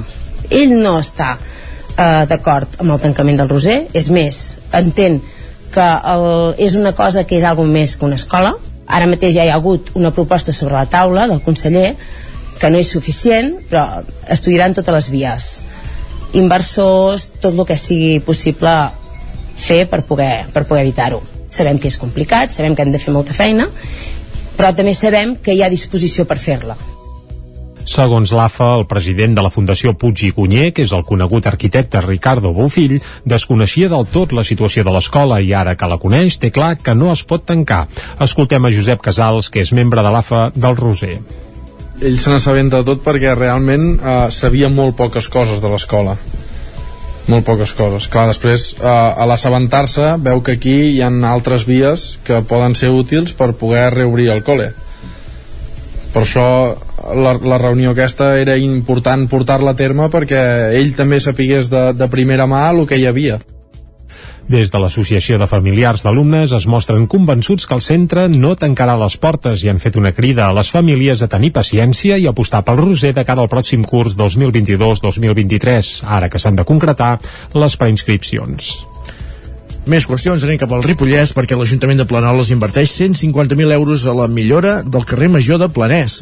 Isaac Muntades, des de la veu de Sant Joan. A través del Pla Únic d'Obres i Serveis de Catalunya, l'Ajuntament de Planoles invertirà 150.000 euros a millorar el carrer Major del nucli urbà de Planès, una via d'uns 300 metres que és l'artèria principal del poble. El finançament del POAS, que també beneficiarà alguns dels carrers principals de Planoles, està previst que arribi el 2024, però el consistori ha decidit avançar els diners de l'actuació de Planès perquè disposa de de romanent de tresoreria. L'alcalde de Gent per Planoles, David Verge, va detallar quines actuacions es duran a terme al carrer. El carrer central de Planers està totalment a l'empedrat, a, diguem, per circular. Una persona amb mobilitat reduïda, impossible. I, i una persona doncs, gran, tot això, està molt desgranat, l'empedrat. Farem igualment un empedrat doncs, en millors condicions, i llavors soterrarem la línia de telèfons i la de fibra òptica, la de FEXA no, perquè FEXA per soterrar aquest tros ens cobra 50.000 euros. Per tant, és impossible, és inassumible. Dels 150.000 euros de fons propis que hi invertirà l'Ajuntament en recuperarà uns 140.000, ja que 100.000 provindran de la Generalitat de Catalunya i 40.000 de la Diputació de Girona. Per tant, el consistori només n'aportaria uns 10.000. El calendari de les obres encara no està definit del tot, però a l'abril està previst fer un ple extraordinari per treure les bases i el plec de condicions de la licitació perquè s'hi presentin les empreses. Els treballs començarien el mes de juny i estarien acabats cap al setembre. Verge va recordar que l'equip de govern ja va invertir 235.000 euros a posar un enllumenant nou al nucli després de passar-se més de dos anys a les fosques i també s'hi han fet petites actuacions de senyalització, neteja i de cartelleria. Els Mossos d'Esquadra busquen els amos d'un centenar d'objectes que tenen a la comissaria de Vic procedent de furs, procedents de furs i robatoris. Una entrada d'un concert de Dire Straits al Palau Sant Jordi l'any 1992. Telèfons mòbils o rellotges i arracades són exemples d'un centenar d'objectes que esperen que l'amo els vagi a recollir a la comissaria dels Mossos d'Esquadra de Vic. Els agents els han recuperat després de resoldre furts i robatoris, però no els poden tornar als seus legítims propietaris perquè desconeixen de qui es tracta. Ara, amb l'objectiu de sortir de l'atzucac, han preparat un dossier on ensenyen tot el que hi ha a la comissaria. La ciutadania el pot consultar lliurement a les mateixes instal·lacions i també als ajuntaments de Manlleu, Roda, Torelló i Sant Hipòlit de Voltregà.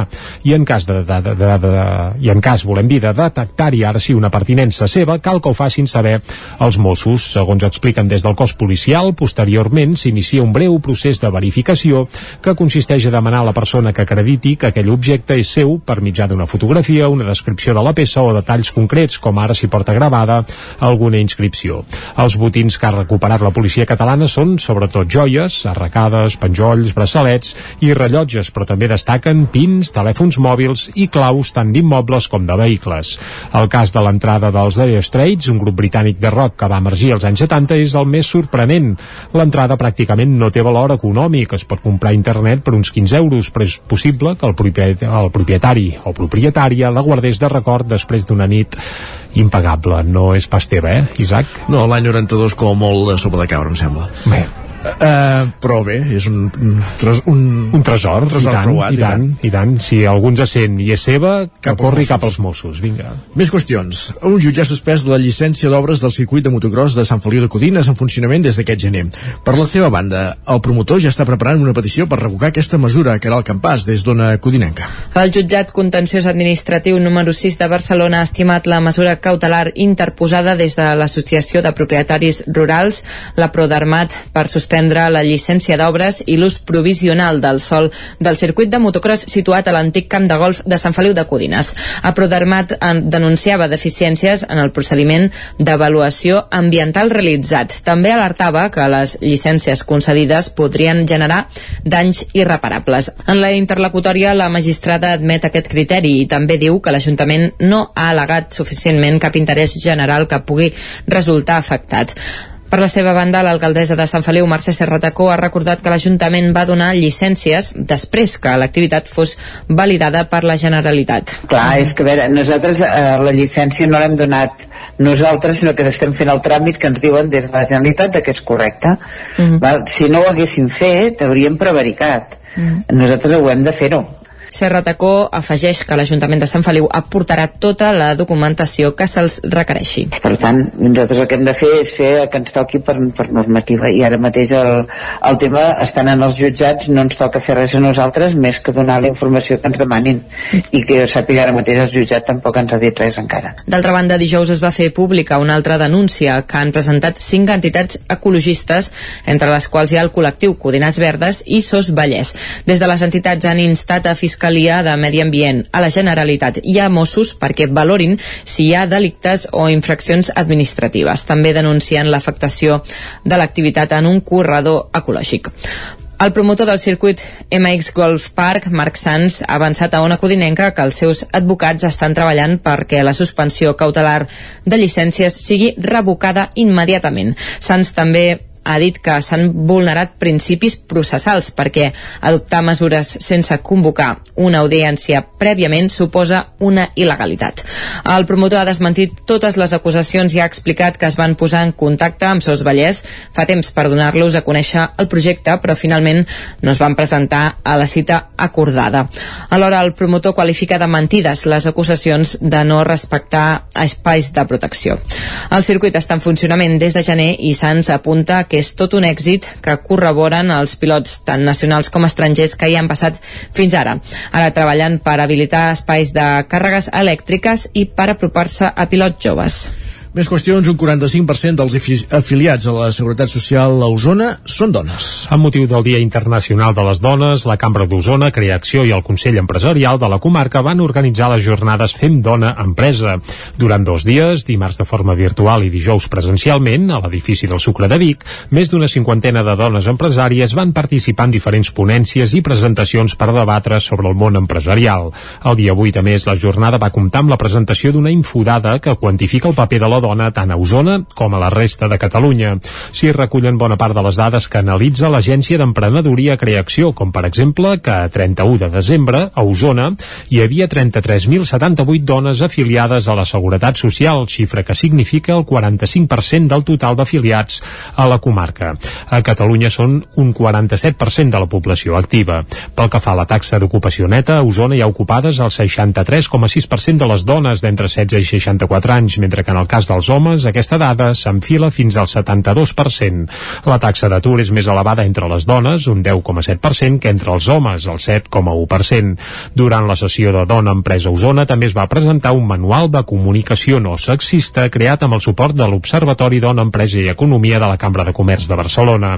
També es va parlar de comunitats en clau femenina i finalment es van presentar algunes experiències de talent de dones usonenques a l'estranger. Quan Vic va ser capital de la cultura catalana, obrim ara pàgina cultural, el 2016 va estrenar una trobada d'escriptors singular. Els guanyadors dels principals premis de la literatura catalana, el Sant Jordi, el Ramon Llull i el Josep Pla, es troben unes setmanes abans de Sant Jordi i comparteixen impressions. La cita s'ha mantingut des de llavors, exceptuant el 2020, quan es va suspendre per la pandèmia. Aquest dissabte, el Casino de Vic va acollir un diàleg entre els guanyadors d'aquest 2022, Sergi Balbel, Toni Cruanyes i Empar Moliner. La sala modernista del Casino de Vic, plena, certificava l'interès que desperta un acte que va néixer el 2016 amb la capitalitat de la cultura catalana a Vic i que s'ha mantingut des de llavors a la ciutat, la trobada de guanyadors dels principals premis literaris a Catalunya. Aquest dissabte hi havia a Vic Empar Moliner, Toni Cruanyes i Sergi Balbel, guanyadors respectivament del Premi Ramon Llull, el Josep Pla i el Sant Jordi. Moderats per la professora de literatura Carme Rubio, els tres autors van parlar de les obres que els han valgut els guardons. Empar Moliner s'endinsa en la menopausa i en la crisi d'una dona que arriba als 50 anys a l'obra benvolguda. L'escoltem. Aquesta és una història sobre el declivi mm, sexual, potser, i físic i vital d'una dona que fa els 50, que en té 50 i pocs, i, i, i que per fora està guapa i se sent jove, però per dins diu, hòstia, què està passant, no? Uh, Toni Cruanyes, presentador del, del Telenotícies de TV3 als vespres, ha debutat en la narrativa històrica amb La Vall de la Llum, que s'inspira en la trajectòria vital del seu avi. Escoltem a Toni Cruanyes. A partir de la mort del meu avi a la primera onada de la Covid, eh, recordar, reflexionar, eh, fer reviure una part de, de, del segle XX que és la que ha viscut tota aquesta gent que són els avis, els pares de la nostra generació que van viure des de la guerra fins a, fins a la Covid i que crec que mereixen un homenatge i, i ser recordat. I Sergi Balbel, un dels dramaturgs i directors teatrals de referència al país, també s'ha estrenat escrivint novel·la amb Morir-ne 17. Escoltem a Sergi Balbel. Per la pandèmia i tenia temps per dedicar a l'escriptura, aquest tipus d'escriptura narrativa que no és com la teatral, que és una escriptura ràpida i d'urgència i mira, vaig provar vaig veure que hi havia aquest premi vaig dir, molt bé, com que és anònim jo m'hi presento, no el guanyaré no haurà passat res i ja està, no? i la sorpresa va ser que el dia que el vaig guanyar que és que no m'ho esperava gens Els tres autors destacaven la importància de la trobada amb els lectors i les expectatives que tenen de cara a Sant Jordi. Escoltem per aquest ordre a Balbel, Cruanyes i Empar Moliner. sent el Premi Sant Jordi, el dia de Sant Jordi estarem amunt i avall eh, signant llibres per tot arreu em fa molta il·lusió, em ve molt de gust i serà per mi un dia molt especial Jo tinc ganes de passar-m'ho bé per Sant Jordi, de viure-ho eh, des de primera fila. A mi, a mi el contacte m'agrada. Eh, o sigui, m'encanta parlar amb... Oh, eh, o sigui, jo faria un club de lectura cada dia. Abans de l'acte al casino, Sergi Balbel, Toni Cruanyes i Empar Moliner van compartir signatures d'exemplars a diferents llibreries de Vic. Entre dijous i diumenge Uh, hi ha, hagut, ha tornat a haver-hi festa grossa a l'Espai Cultural i Gastronòmic Tarambana de Cardedeu. La Tarambanada va celebrar 16 anys amb actes per tots els públics. Núria Lázaro, des de Ràdio Televisió Cardedeu. Després de dos anys sense poder-se celebrar, enguany ha tornat la Tarambanada. Actes que s'han fet durant el cap de setmana a l'Espai Cultural i Gastronòmic Tarambana, com art a la tassa, la decoració d'una paret. Cinta Pellicer. Al final ens hem decantat per fer això que estem fent, que és una sèrie de gent fent, o sigui, jugant amb el rotllo del lavabo, gent eh, com, com fent cua, moltes personetes així petites, um, que també, o sigui, eh, podrà, ens permet jugar amb la cosa de que quan algú passi sempre descobreixi alguna, algun detallet nou, alguna cosa que li crida l'atenció que, que per molt que passis moltes vegades potser no, no t'hi havies fixat abans. A més, l'organització del Tarambana han dut a terme una iniciativa que ha agradat molt al públic, el seu propi paraulògic. Andreu Vila, propietari del Tarambana. Quina bogeria, el paraulògic. He, hem flipat. Ja... Nosaltres vam tenir la idea, el Xavi Gasol de Simbòlic Comunicació eh, va tenir la idea i llavors eh, quan vam tenir el, el cartell vam dir, ostres, i, és que hi podíem jugar, no? Però pensàvem que només havent-hi una vocal, no?, que seria, doncs, uh, res, uh, no donaria molt joc. Doncs uh, aquí ha passat gent que crec que m'ha dit que com a mínim hi ha 150 per tant, no, no, és fantàstic, molt guai, ha superat totes les expectatives. Per acabar la tarambanada, espectacle de la companyia de teatre La Curiosa i a la tarda concert del grup Bras de Gitano Band, grup musical quilòmetre zero nascut a Cardedeu.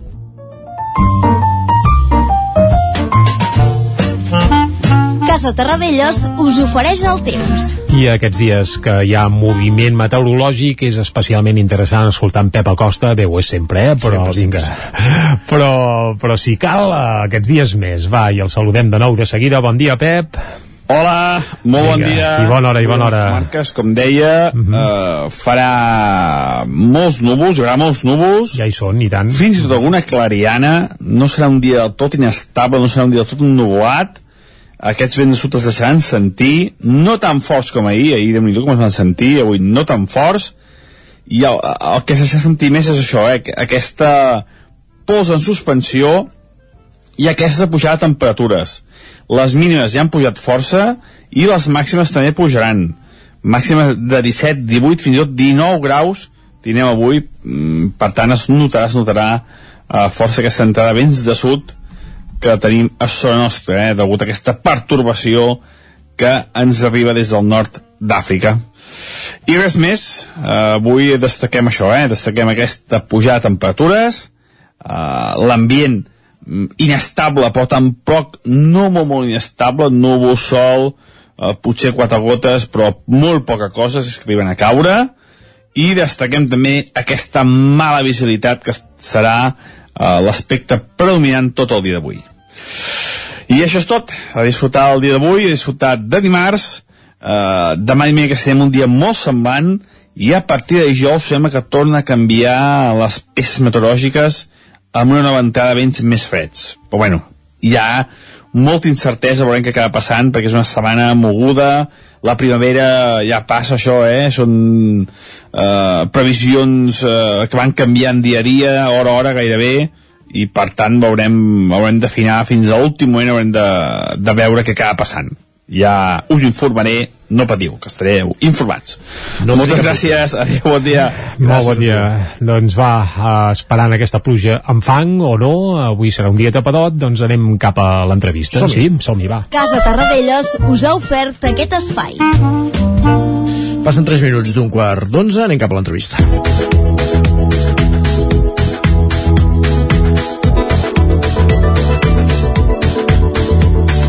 La militància de la CUP ha avalat la candidatura col·lectiva pel nou secretariat nacional de l'organització que s'ha presentar dissabte a Tarragona. La candidatura col·lectiva per tornar-hi va quedar ratificada amb un 85,15% dels vots favorables. Ens ho amplia l'Òscar Muñoz des de Ràdio Televisió Cardeu. Bon dia, Òscar. Bon dia, doncs sí, dins de la candidatura eh, col·lectiva trobarem a Luc Luquetti, l'actual regidor de Joventut, Participació, Cooperació Internacional, Esports, Formació i Ocupació de l'Ajuntament de Cardedeu. Bon dia, Uc. Bon dia, què tal? Actualment, com hem comentat, estàs a l'Ajuntament, eh, deixaràs el càrrec, seguiràs amb els dos, com, com compaginaràs aquests dos càrrecs? Molt bé, doncs no, la idea és, és continuar amb el meu càrrec de regidor fins a acabar el mandat. Tenim les properes eleccions al maig del 2023 i pel codi ètic que tenim sí que tenim limitació de mandat i precisament a mi eh, se m'acaba aquesta limitació porto ara mateix doncs, el mandat anterior i aquest i, i, i plegaré i, i entrarà algú altre però la meva intenció ara és compaginar les responsabilitats del secretariat nacional i les responsabilitats que tinc com a regidor a Cardedeu uh -huh. uh, milites de la CUP des de l'any 2012 i ara fas aquest cop de cap per formar part de, del secretariat nacional què és el que t'ha empès? Bé, doncs primer de tot el procés eh, que es dona per, que s'ha donat per escollir aquest secretariat nacional ha sigut eh, en primera instància que les assemblees locals i les eh, territorials han proposat noms i llavors doncs, en els noms que van proposar sortia el meu. Vull dir que no és que jo m'hagués proposat sinó que m'han proposat doncs, eh, companys i companyes de militància. Llavors això ja d'alguna manera predisposa eh, no? si hi ha gent que pensa en tu com a possible persona per ocupar aquesta responsabilitat doncs ja et predisposa a fer-ho vam ser unes quantes persones eh, i s'ha anat fent una mica un embut fins que hem quedat les que hem quedat sobretot bàsicament per per disponibilitat, motivació, perquè bé, tothom sap, és conscient que és molta responsabilitat, que li has de dedicar moltes hores, que has de voltar molt pel territori, que has de fer reunions fins a les tantes de la nit, que és molt de sacrifici i, evidentment, doncs, compaginar-ho això amb la vida és complicat, hi ha molta gent que, que li fa... a mi també, eh? però vull dir que fa una mica de vertigen i llavors molta gent es tira enrere i al final tampoc hem quedat tants disposats. Uh, després de l'acte de, de dissabte, un dels objectius, evidentment, és créixer de cara ja pensant en les eleccions municipals de, de l'any que ve, del, del 23, i una, uh -huh. mhm. dels reptes que us posa, proposau és fent-ho, per exemple, fent molt treball uh, a pobles i, i barris no? de, de les ciutats que, catalanes. Com s'articula uh -huh. tota aquesta feina? Aviam, doncs nosaltres ara de cara a les municipals el que estem fent eh, hem fet tot un procés ara de debats territorials que encara no han acabat ara per exemple aquest cap de setmana eh, fem un debat a, a Mallorca uh mhm. -huh. que també presentarem candidatura a Mallorca perquè com sabeu doncs eh, la nostra nació són els països catalans i, i la CUP eh, volem vertebrar la candidatura arreu dels països catalans Mallorca eh, es presenta candidatura i, i això, estem fent aquests debats territorials. Aquí al Vallès Oriental, per exemple i al Baix Montseny doncs vam fer el debat territorial ara fa un, uns pocs dies. I a partir d'aquests debats territorials d'alguna manera amb l'horitzó a les municipals del 2023 doncs ens hem sobretot hem fet com una, una reflexió entorn doncs que quines són els aprenentatges que fem del, de, de, de tota l'experiència que tenim acumulada uh mhm. -huh. i, i veure una mica els reptes i potencialitats de cara al futur llavors per exemple, en el cas de Cardedeu, no? com estem plantejant les municipals, doncs vam fer un debat a nivell també intern com a CUP, després vam fer un debat amb el que seria el moviment de l'esquerra independentista del municipi, no? amb altres organitzacions. Eh, aquest debat ara el volem emplaçar a molta més gent del nostre entorn, a simpatitzants, eh, gent que, que col·labora amb nosaltres, de cara a fer un anàlisi però que vagi més enllà de les municipals. Que vagi més enllà de les municipals i que vagi més enllà de la CUP. O sigui, estem plantejant les o sigui, nosaltres entenem el municipalisme més enllà de, del que és la institució i la feina de l'Ajuntament. Nosaltres entenem el municipalisme com bueno, allò que diem molt a la CUP d'un peu al carrer i un peu a la institució per tant hem de tenir en compte les dues vessants i per això hem de parlar amb, amb els moviments i per això hem de parlar amb les organitzacions i per això hem de parlar amb la gent i, i vestir una estratègia que abarqui aquesta, aquesta visió de carrer i institució i per tant ha d'anar més enllà de les municipals que les municipals són importants Mm -hmm. però i evidentment anirem a, a obtenir els millors resultats però ens, sobretot ens eh, creiem que ha d'anar acompanyat d'una estratègia també de carrer i de mobilització i de conflicte Hem parlat d'aquestes eleccions municipals, que és un gran repte per la CUP. Quins altres reptes podem trobar a partir de, ja, de, a la formació? Mm.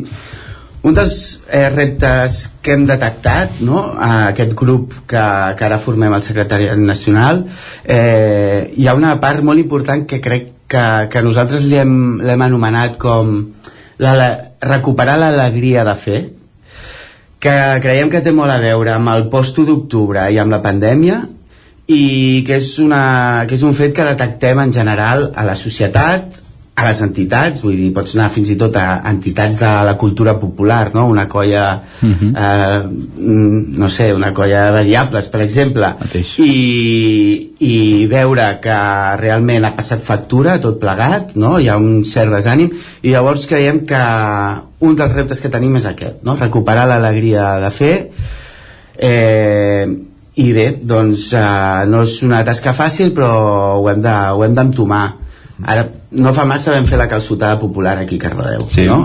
vam fer la calçotada popular i, i realment va ser, jo vaig, aquell dia vaig ser com molt feliç perquè de cop i volta veure la gent al carrer la gent no, compartint la calçotada música en viu, la gent ballant Uau, Fent poble. Sí, fent poble, fent comunitat, i era una cosa que necessitàvem molt. Creiem que necessitem molt això.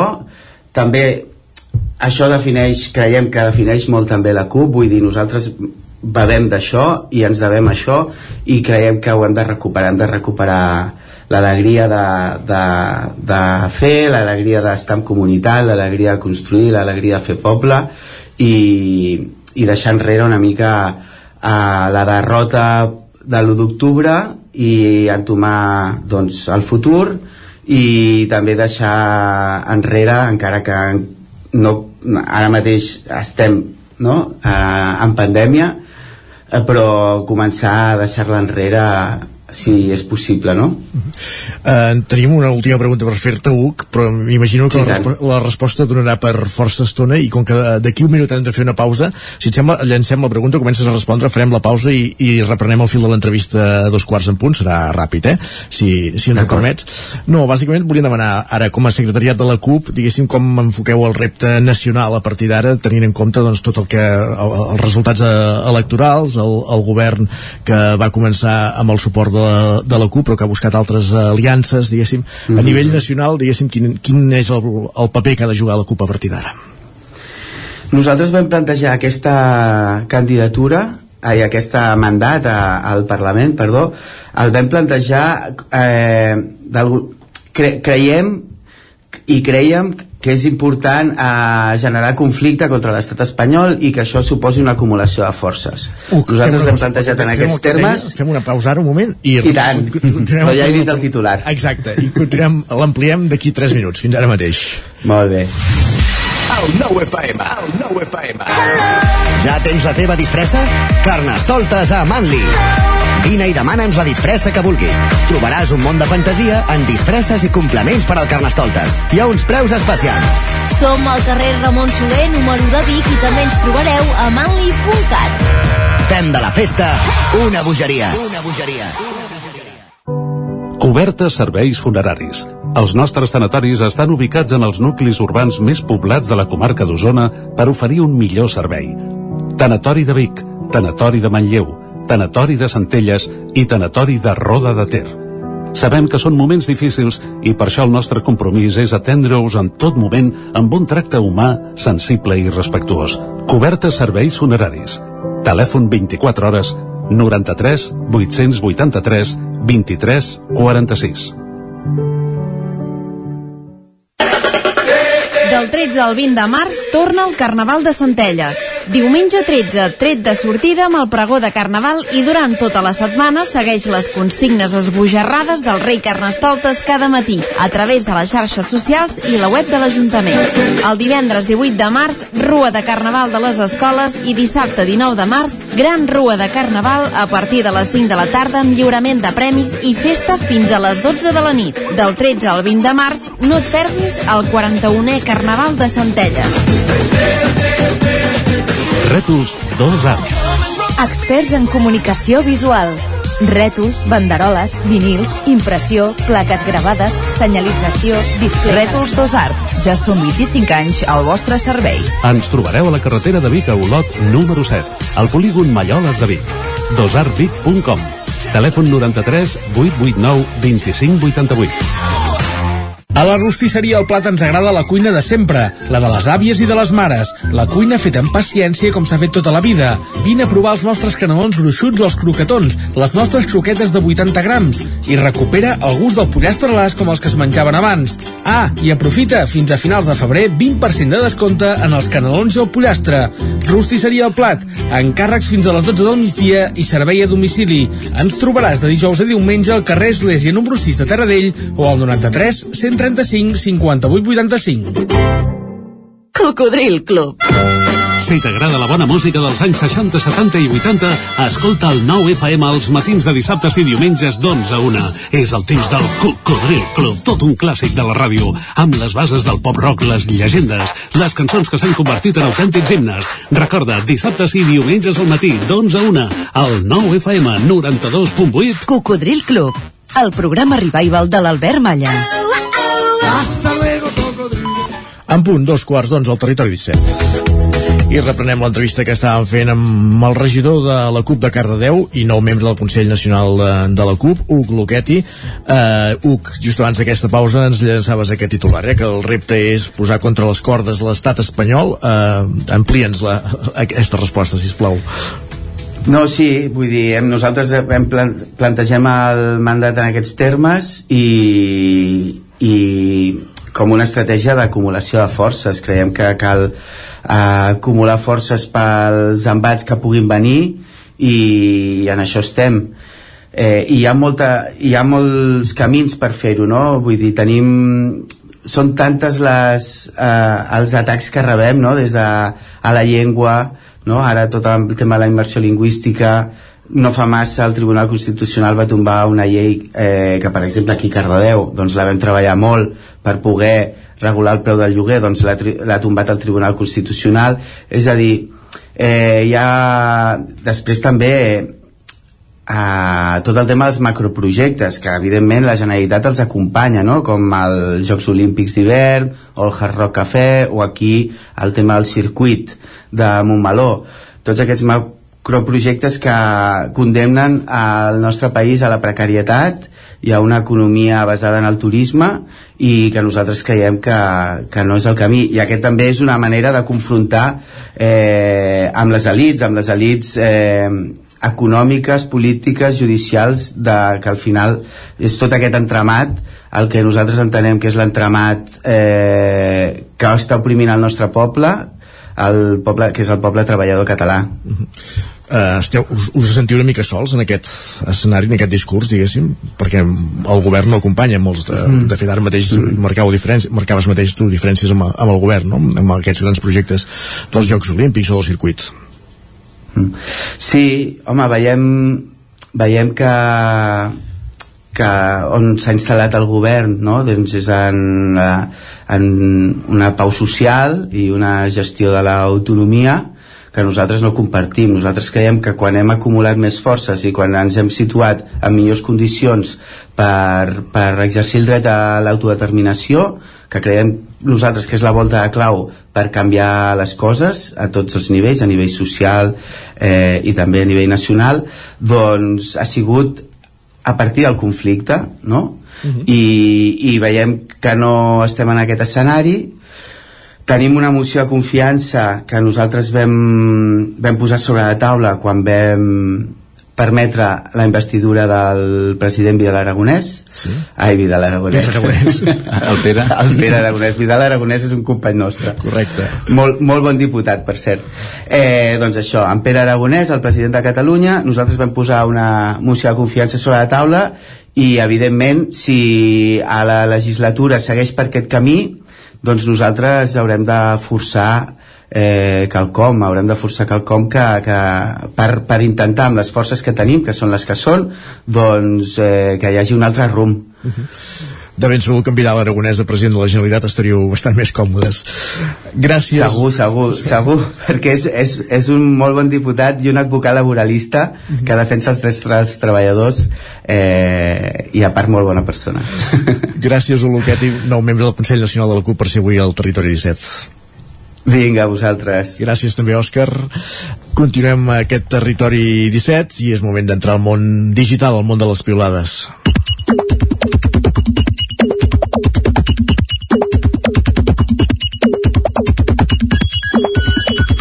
I aquest món de les piulades no hi anem mai ni amb en Pere Aragonès ni amb en Vidal Aragonès, sinó que hi anem amb en Guillem uh, Aragonès, et anava a dir, és que clar, amb aquests lapsus de cognoms, Sánchez. i d'allò amb en Guillem Sánchez, ja ho direm bé, ja ho direm bé. Guillem, molt bon dia. Molt bon dia, Jordi, Ens molt bon portes dia, el, algun lapsus també de cognoms o de...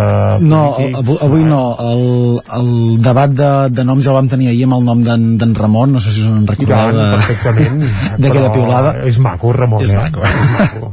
Avui farem una mica de recordatori d'aquest aniversari dels dos primers anys del confinament que se celebrava ahir, el dia 14 de, de març. N'hem parlat, i tant. En Pau ens escriu Avui fa dos anys de l'anunci del confinament però a mi me n'han semblat cinc No sé si teniu aquesta sensació vosaltres Que ha sigut més o que ha passat molt ràpid Ostres, és que... Han set dos anys llargs. Sí, i doncs jo et diria que el rellotge biològic va a tota pastilla i que però s'accelera, no sé si per la pandèmia o pel fet de, de tenir criatures que creixen molt de pressa, però vaja, a mi no m'ha pas passat gaire lent. De fet, hi ha persones que encara conservaven algunes coses d'aquella segona setmana de març de fa dos anys, com en Manel, que ens escriu fa dos anys amb la declaració de l'estat d'alarma, el gran confinament i la pandèmia, em vaig deixar la barba. Avui me la trec. Semblo 15 dies més jove. Només 15 dies? Ostres, doncs bé. I avui hi ha qui encara té dubtes com aquest. Diu, estic en aquell moment que no sé si el que necessito és una bona farra o un confinament d'un mes. Una bona farra. Una bona ja farra. està, Sí. això ja ho assegurem ara mateix. Si té dubtes, nosaltres els hi aclarim, per això hi som. Va, i vosaltres què en penseu d'això? Ens escriuen, doncs jo guardo un bon record del confinament. Diu, feina a banda que va ser un suplici. Per què a mi no m'ho pregunta ningú? Doncs ja està, ja ho ha dit. Home, ja, ja està, oita, ja ho tenim recollit i és? ja està. eh, Un usuari que es diu Gata Maula. Ah, bé. Imagina't Ara, com pot anar, Bé. com pot anar el món. partint del nom que fa servir a Twitter doncs eh, no hi sucarem gaire pa però ja ens podem imaginar què podia fer durant el confinament o no o no bé I l'Alguer ens aporta aquesta reflexió un cop passada també la Covid-19 ens diu ja se m'acaba el confinament i és una desgràcia perquè allò que us passa de no suportar estar una setmana sense sols cap objectiu productiu a mi no només m'agrada sinó que crec que ho faig força bé. Doncs les coses que es fan No, ha, s'han de... hi, ha, hi ha d'haver professionals per tots. I tant. només faltaria I només per veure algunes diferències, fixeu-vos bé en el tuit de l'Adam que ens deia durant el confinament de la Covid gasoil a 0,89 i gasolina per sota de l'euro. Ara necessites la declaració de la renda o alguna nòmina per poder-te comprar un litre de, de combustible. sí, sí, o més d'una de O més nòmina d'una. sí. I això que hi ha d'haver professionals per tots, si els monarques fan, presideixen un congrés sobre treballar, ja, Imagina, sí, això Ja és ben eh? curiós, eh? Ja l'ha dit l'Isaac, ja l'ha sí, dit. l'ha deixat anar, però bé, puc, puc fer una confessió. Em va Sí, arribar allò via WhatsApp, un, això, i vaig Això. pensar que era una conya. Dic, oita, m'envien aquí Sí, un, un, un, sí, sí. un muntatge d'aquells que fan, i no, no, I no, el no. cartell és cutrot, perquè eh, suposo que molta gent ja el té visibilitzat, perquè ha és corregut segle molt, eh? XIX, per dir alguna cosa. Sí, diguem que el dissenyador guanyador no seria de l'Ubic, per dir-ho fort- ras i curt. Però el fort és que és veritat. Però és que és veritat, és que clar, el bo del cas dius, ostres, el muntatge, que divertit, que ben trobat, i dius, no, no, és que és real, irreal, irreal, vaja, ma, mare de Déu. Què? Va, qui també està mig d'aniversari, podríem dir-ho així, és l'usuari Borrissol que ens comenta porto 14 dies sense fumar i ja començo a notar canvis. Diu, avui, per exemple, he pogut pujar un cinquè pis a pota sense un encenedor a la butxaca. I mira, i també podrà anar a posar gasolina amb el que s'estalvi, per exemple, en Per exemple. tabac, que, mira, no hi ha mal que per bé no vingui. I un fet que fins ara era ben estrany per ell, eh, és una situació que ens comparteix en Guillem, que ens diu de les coses més estranyes que he vist mai va ser apuntar-me a classes de batxata. Dic, era jo l'únic que volia aprendre a ballar. No sé què volien aprendre els altres. Bé, uh, potser lligar, Bé, ja, ja ras i curt, que la gent s'apunta coses, batxata què és? No ho sé, m'hi apunto, però m'hi apunto. Però muda, i a més sona ara muda molt, no, això? Pot ser, pot sí, ser. Va, va, no sé, no sé. No tinc experiència jo, eh, Jordi, no. És que et anava a dir si tu ja, ja t'hi has apuntat o no, però ja intueixo que no. Va, i els- L'Isaac potser s'hi ha No, apuntat, eh? la batxata era allò d'en Juan Luis Guerra, allò de Ojalá que yo casi en el campo, no va per aquí cosa. Bueno, és un latín així contemporani que té tocs electrònics i coses així... En Jordi és l'expert, ja veiem no, no, que és l'expert no, no, no, no, el musical podem parlar del que vulguis, però de ballar jo zero, eh? Uh, o sota zero, fins i tot. No, no. Va, i els dos últims tuits del dia d'avui. El missatge de la Marta, que és de campionat. Jo el Va, trobo vinga. boníssim. Ens diu... Què diu la Marta? Fa dies que venen de visita els alumnes de sisè a l'institut. Quan entren a la biblioteca els pregunto quines coses creieu que es poden venir a fer a la biblioteca? I sempre hi ha algú que diu venir castigat. Sort de la mascareta Oh. que m'ajuda a dissimular la cara que faig.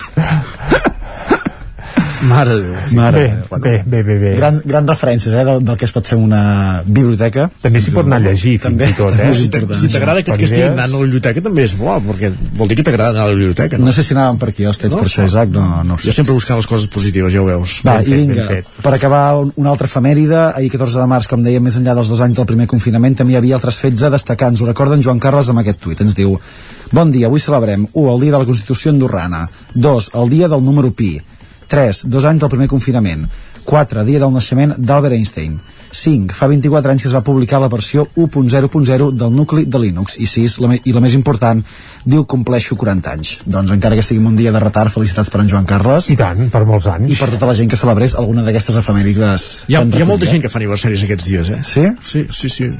Què devia passar? Nou mesos enrere? Nadal, ai, és Nadal, estiu, vull dir. Sí, sí, sí, és una bona època Agost. per fabricar criatures. És una gran quan s'estan gran- vacances. Uh, molt bé, molt bé. Doncs va, anem a celebrar una biblioteca, no? Perfecte. Per exemple. Amb una bona lectura. Vinga, va, Guillem, moltes gràcies. Lectura o lectora, has dit?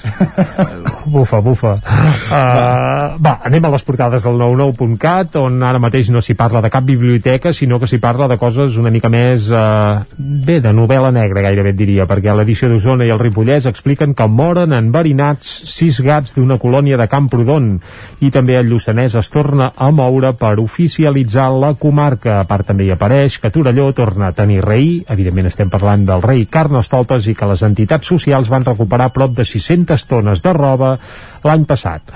Anem cap al Vallès Oriental, el 99.cat ara mateix explica que la policia de Parets del Vallès es forma en l'ús de desfibriladors, eh, també alumnes de formació i inserció de Granollers es formen amb realitat virtual, que Novelles demana mesures al Departament d'Interior després de la baralla amb dos ferits per arma blanca i arma de foc que hi va haver divendres, això va ser a Canovelles. En parlàvem ahir a les notícies, sí? Correcte, i l'Hospital de Granollers estalvia un 15% del consum amb prop de 3.000 plaques fotovoltaiques. Les han instal·lades al teulat de l'aparcament. Perfecte, doncs moltes gràcies Jordi per aquest repàs. També anem cap a la taula de redacció. anem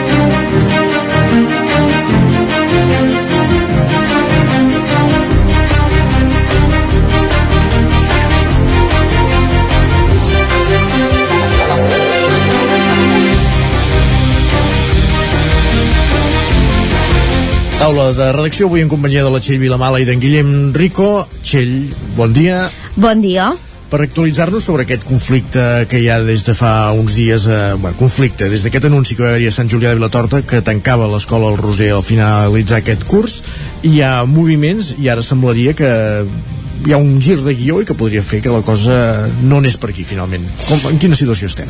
Sí, exacte, d'això en realitat en fa 10 dies, eh, des de que va arribar aquesta carta a les famílies avui en fa dues setmanes, eh, ja, dues setmanes des que va arribar la carta a les famílies, però n'hem parlat tant i ho hem seguit amb tanta intensitat i s'ha anat complicant i havent-hi tants girs eh, que sembla que faci mesos ja que parlem d'aquest tema.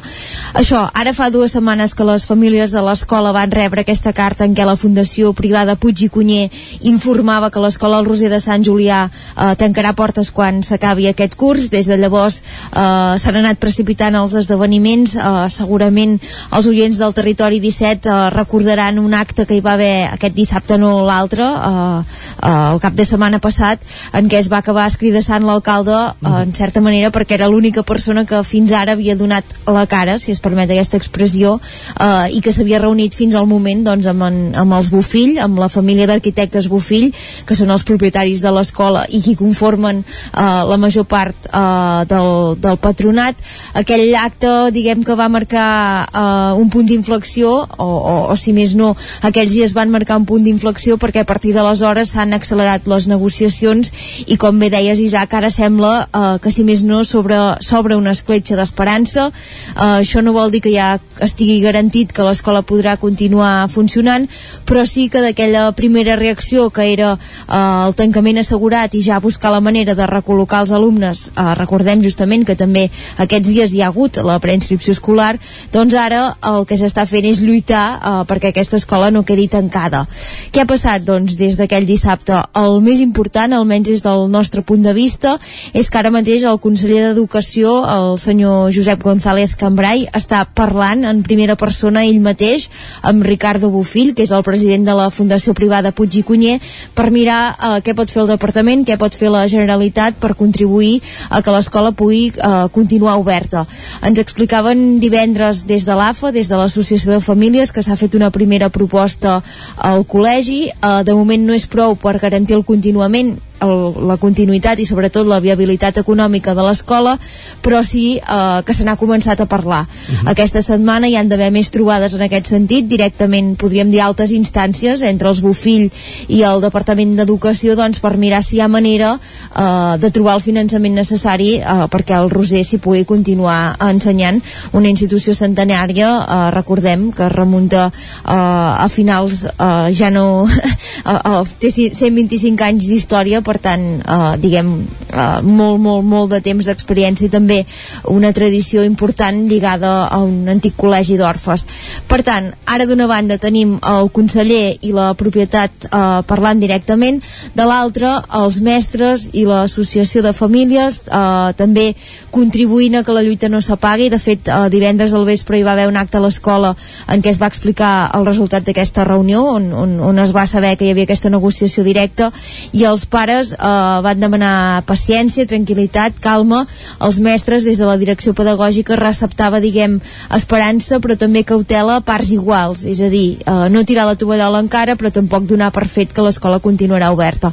I sí que va parlar la directora, la senyora Alicia Descamps, i va demanar a les famílies una mica de paciència, ells entenen que el, que el moment és complicadíssim, a més recordem això, que, que hi ha la pressió de la preinscripció, però sí que demanava als pares i mares eh, que no deixin de des, que, que no desapuntin els seus fills de l'escola perquè si al final s'acaba salvant i no queden nens i nenes que hi vulguin anar a aprendre i no hi queda tampoc personal, també va demanar als professionals que no marxin, eh, llavors tampoc tindrà sentit tot això que s'està fent. Per tant, aquesta setmana torna a ser transcendental, ara també eh, l'Ajuntament, els pares i mares i l'equip docent estan alineats tots en aquesta direcció de primer intentar salvar l'escola, sense anar més lluny, eh, demà hi ha convocat un ple extraordinari a dos quarts de deu del vespre en què l'equip de govern aprovarà una moció eh, demanant el no tancament del Roser i que es continuï garantint aquesta pluralitat educativa a Sant Julià on recordem que hi ha aquesta escola que és concertada però també una escola pública on els nens i nenes hi poden anar fins a sisè i aquest pas serà una altra declaració d'intencions, un altre gest eh, per mirar de posar pressió i això, que, que el Roser pugui continuar ensenyant a partir del setembre que ve.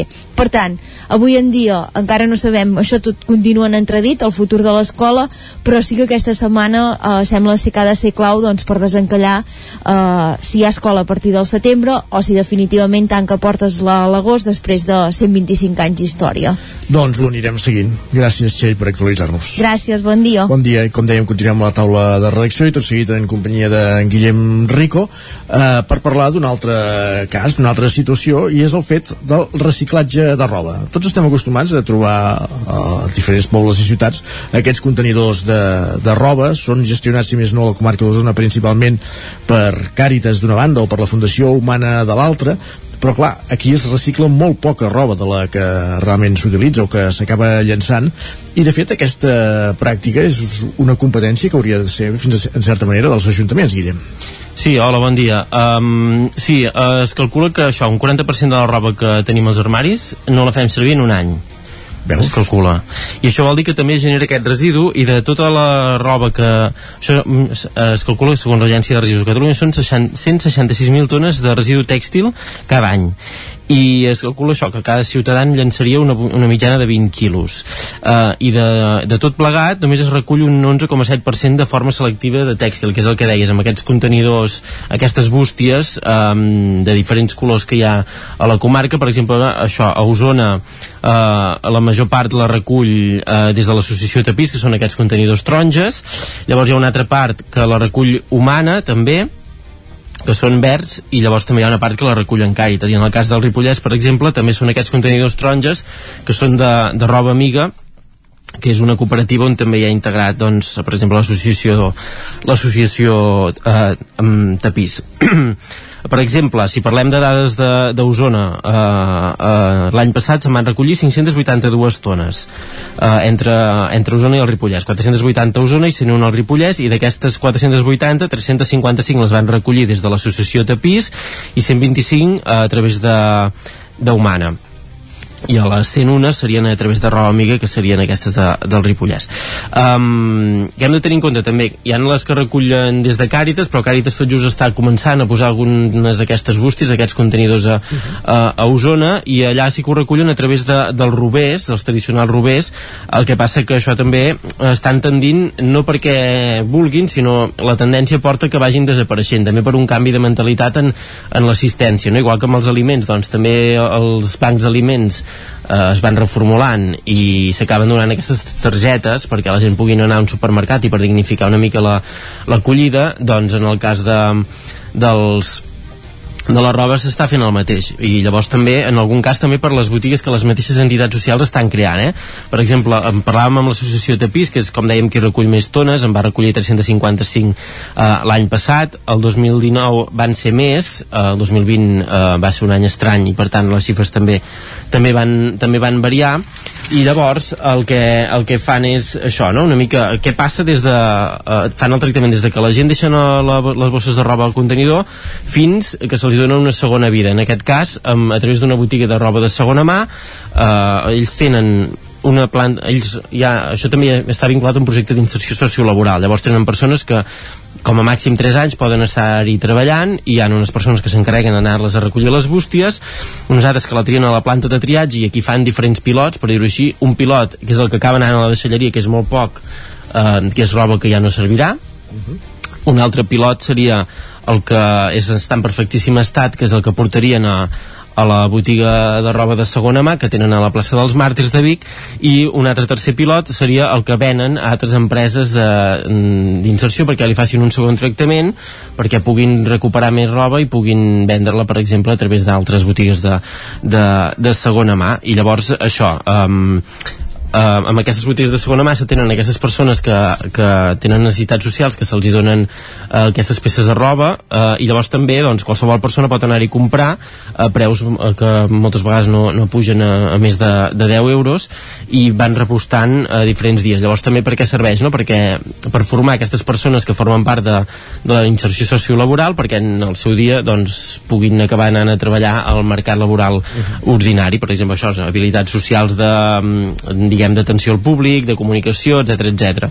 i també d'organització de, de, de la botiga. Sí que des de l'associació Tapís estan treballant en un, espai nou que això els hi permetrà triar més roba, ara tenen un, allà al carrer Raval Cortines tenen la planta de triatge que és molt petita, llavors s'estan preparant una nau, de, una de les antigues naus de Cortits Codina, que els hi permetrà doncs, tenir més espai i poder mm, reutilitzar més roba i paral·lelament amb altres entitats això encara s'ha de dir amb la boca petita perquè tot just és un projecte pilot. Estan treballant per crear un altre per aprofitar una altra part de, de roba que seria eh, creant noves peces de roba com puguin ser mm, per exemple bosses etc eh, etc per reutilitzar aquestes peces de roba que no estan tan en perfecte estat com per anar a la botiga i tenir aquesta segona vida, sinó això. I llavors, paral·lelament, tot plegat es fa també amb l'horitzó del 2025, perquè hi ha una normativa europea que farà que els ajuntaments hagin de, de reciclar eh, el màxim de, de roba, o sigui que la roba passarà a ser una fracció més, com ho és ara doncs,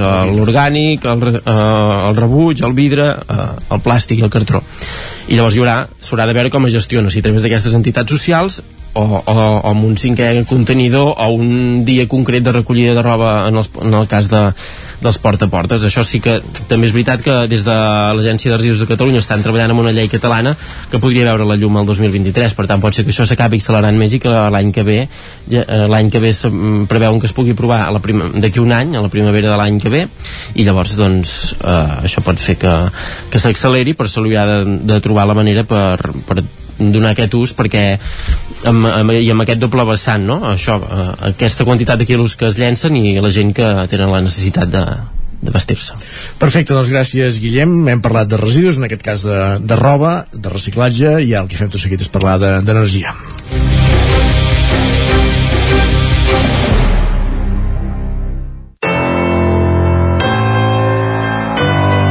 Territori, Territori 17. 17. Territori 17.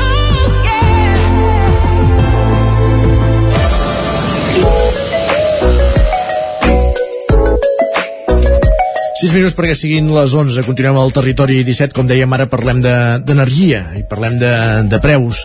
Arran de la guerra dels atacs de Rússia sobre Ucraïna hem vist un encariment del preu del gas. Bàsicament, Rússia és generador d'aquest tipus de, de combustible.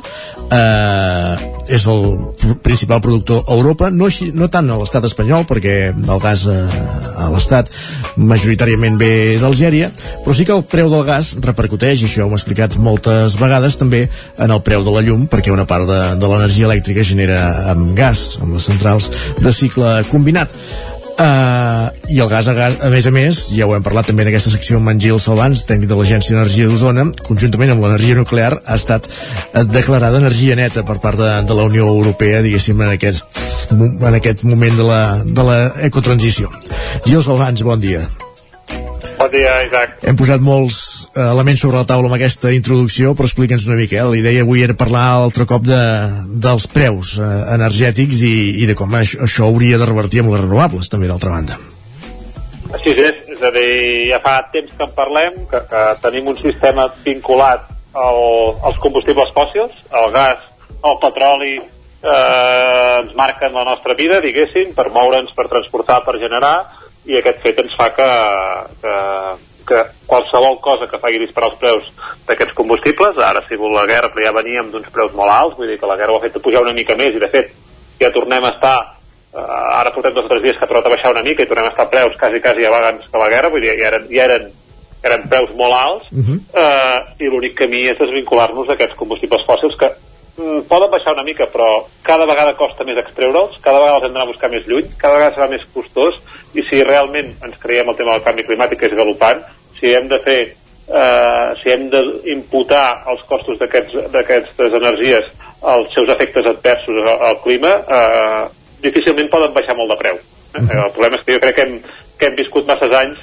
eh, a costa del nostre planeta i, i cremant i, i contaminant el nostre planeta sense que això tingués cap cost per nosaltres. -huh. I malauradament, com apuntaves, eh, hi, ha un, hi ha un tema molt important i és el, el sistema de calcular el preu de l'energia elèctrica no a l'estat espanyol sinó a tota Europa que és que el que l'últim sistema o l'última font energètica que entra al sistema marca el preu de tancament i tota la resta de fonts es paguen aquell preu i això fa que estiguem a uns preus desorbitadíssims eh, eh, països del sud com, a, com, com Espanya, Portugal, França o Itàlia, eh, eh, això els perjudica molt. Eh? És a dir, nosaltres el gas no, és tan, no el tenim tan vinculat com a Alemanya, que va decidir eh, té un sistema, tot i que ha apostat molt per les renovables, eh, eh encara depèn un 30, un 40 i de vegades més del gas, i això ell li fa que el, mm, això ens arrossega tots, eh? és a dir, el fet de que eh, el gas entri dins de marcar el preu de l'energia elèctrica ens arrossega tots uns preus completament desorbitats. Uh -huh.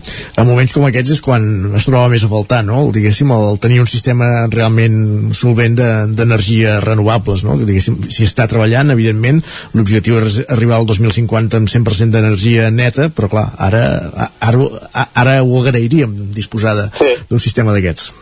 Així és, és, és, vull dir, anem tard, eh? és un discurs que sempre fem i que sempre diem, mm, sabem que això ho havíem de fer, eh, no vam complir els objectius de 2020, serà difícil que complim els de 2030, però crec que hem de treballar-hi i hem d'esmerçar esforços, és a dir, ara es parla de, de, de, de, de, de rehabilitar de nou canonades de gas, eh, aquesta canonada que, que, es, que es mor aquí a Catalunya, que es podria connectar a Europa, etc. Mm, són recursos finits, són recursos contaminants, són recursos que no ens portaran a l'autosuficiència energètica i, per tant, jo crec que destinaria tots els diners ara mateix a apostar per les renovables. És a dir, aquests dies, eh, ahir revisava una factura d'un conegut que ha posat autoconsum fa un any, eh, el mes de febrer, que és un mes poc perjudicial, poc, perju ai, poc beneficiari pel sol, s'ha estalviat 100 euros. 100 euros la factura del llum. N'hauria pagat 130, n'ha pagat 28 i, i ha gastat més energia que l'any passat pagant 100 euros menys. Vull dir que aviat és dit, eh? jo crec que la gent ha d'apostar per les renovables amb, amb, exemple, amb exemples així quan toquen la butxaca segurament és quan serà efectiu no? aquest, aquest, canvi, i, aquest canvi de model per entendre'ns jo crec que sí, e, e, és trist, eh, però el model s'imposarà per, un, per un raonament econòmic, eh? és a dir, i, som així els humans, vull dir, tant ens és carregar-nos al planeta, tant ens és deixar el planeta destrossat pels, per les pròximes generacions, ara, el moment que ens toca la butxaca és el moment que ens comencem a despertar, i realment eh, ara sí que les renovables estan despuntant, tu parles de qualsevol empresa del sector i no donen l'abast, eh, eh, tenen feines per tot l'any que ve i fins i tot algunes em deien que tenen que s'encarreguen coses ara ja les donen per 12 mesos endavant perquè no, no donen l'abast.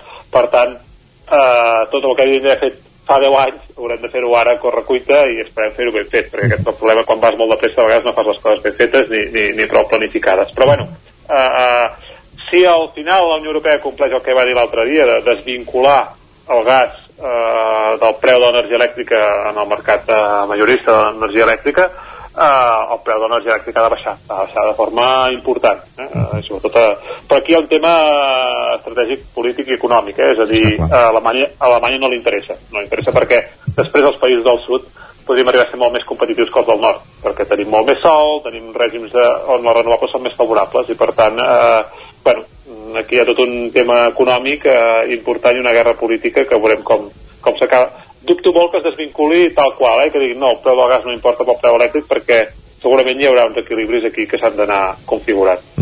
Abans esmentaves aquesta interconnexió eh, amb Europa via Pirineus de, del gas, hem sentit parlar moltes vegades de la interconnexió elèctrica, però no de la, del gas, i hi havia un projecte que va quedar aturat, ara no recordo quin, quin poble del Vallès Oriental, si no recordo malament, eh, i ara s'ha tornat a posar sobre la taula això, de fer la interconnexió eh, amb Europa, per tal que el gas que arriba a l'estat espanyol, via gas liquat moltes vegades, es pugui subministrar també a través d'aquesta canonada cap a Europa, però igualment, com deies, per fer aquesta inversió també fan falta mesos pel cap baix, no diguéssim? Vull dir que... És així, és així, és a dir, uh, és, és una interconnexió del MidCat que es deia, uh, que sí que està aquí al Vallès, jo tampoc ara no, no sé dir-te quin, quin Hostalric, no apunta en Jordi, sí. Hostalric, Hostalric, és veritat. Uh, està pagat a Hostalric, uh, és una gran inversió, és una gran inversió, però jo el problema que hi veig és que pagarem un foc per encendre un altre, és a dir, és una gran inversió, per una cosa que és finita, és a dir, si el 2030, 2050 com a molt hem de deixar de tenir gas a la nostra vida, eh, eh, jo crec que valdria més que apostéssim per, per impulsar parcs solars, impuls d'aerotèrmies i, i facilitar a tots, a tots plegats a impulsar les renovables, perquè al final eh, eh, estem fent interconnexions, transportar energia amunt i avall, amb pèrdues de transport, amb contaminació que genera el gas natural, com dius, és, molt és portat per vaixells, vull dir que al final eh, si tu pares i ho mires d'un tros lluny, és a dir, agafar gas als Estats Units, eh, liquar-lo, posar-lo en un vaixell, agafar aquest vaixell que té uns costos i, un, i una contaminació i uns costos de transport, portar aquest vaixell fins al port de Barcelona i d'aquí connectar-lo per enviar-lo a la resta d'Europa, mm, de seguida pots veure que, que, que molt racional i eficient no pot ser no quan, quan, quan si d'aquí uns anys vols estar 100% renovable, vull dir que eh, aquesta és la realitat. Vull dir que Digues, digues. Sí, sí. No, no, no, a dir que, que, que jo crec que ens hem, hem, hem errat molt la planificació energètica, eh, tant a Espanya com també a Europa. Ara es demostra que Europa realment, eh, amb aquesta guerra, ha fet molt poca planificació. Vull dir que eh, es poden, es poden prometre moltes coses, però veurem com Alemanya des, desencalla el, el gasoducte del nord perquè no pot viure sense ell i Europa depèn de Rússia, depèn dels Estats Units i, i ella sola no pot sobreviure vull dir que ja no pot sobreviure als xips els xips i tots els mecanismes que ens venen de la Xina però és que tampoc pot sobreviure ni a nivell de cereals ni a nivell d'energia d'altres continents i per tant aquí hem errat molt tots plegats amb la planificació Veurem, doncs, quan ens dura aquest impàs fins a consolidar les energies renovables. Gràcies, Gil Salvans, per ser una setmana més al Territori 17 i, per cert, felicitats com a candidata al Premi Usonenc de l'any, diguéssim, com a, com a cara visible d'aquest projecte de nova energia a Osona, per entendre'ns. moltes gràcies, Isaac Bon dia. Uh, Bon dia. Fins la propera, fins aquí un meset. Que vagi bé, gràcies. Fins la propera. Doncs amb la, la qüestió energètica amb en Gil Salvans arribem al punt que passen 3 minuts de les 11 i serà moment d'actualitzar-nos, de posar-nos al dia amb les notícies més destacades del Territori 17. Territori 17, amb Isaac Moreno i Jordi Sunyer.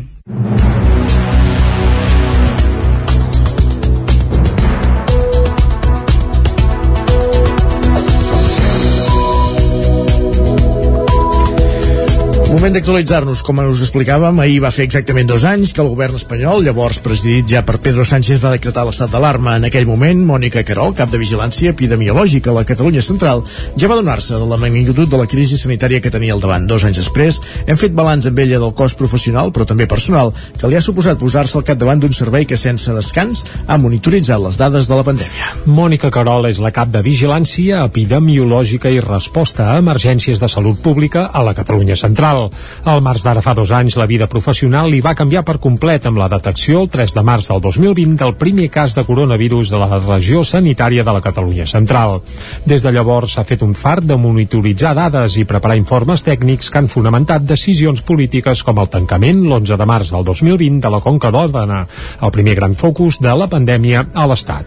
Només tres dies després, el 14 de març, el govern espanyol decretava l'estat d'alarma i començava el confinament.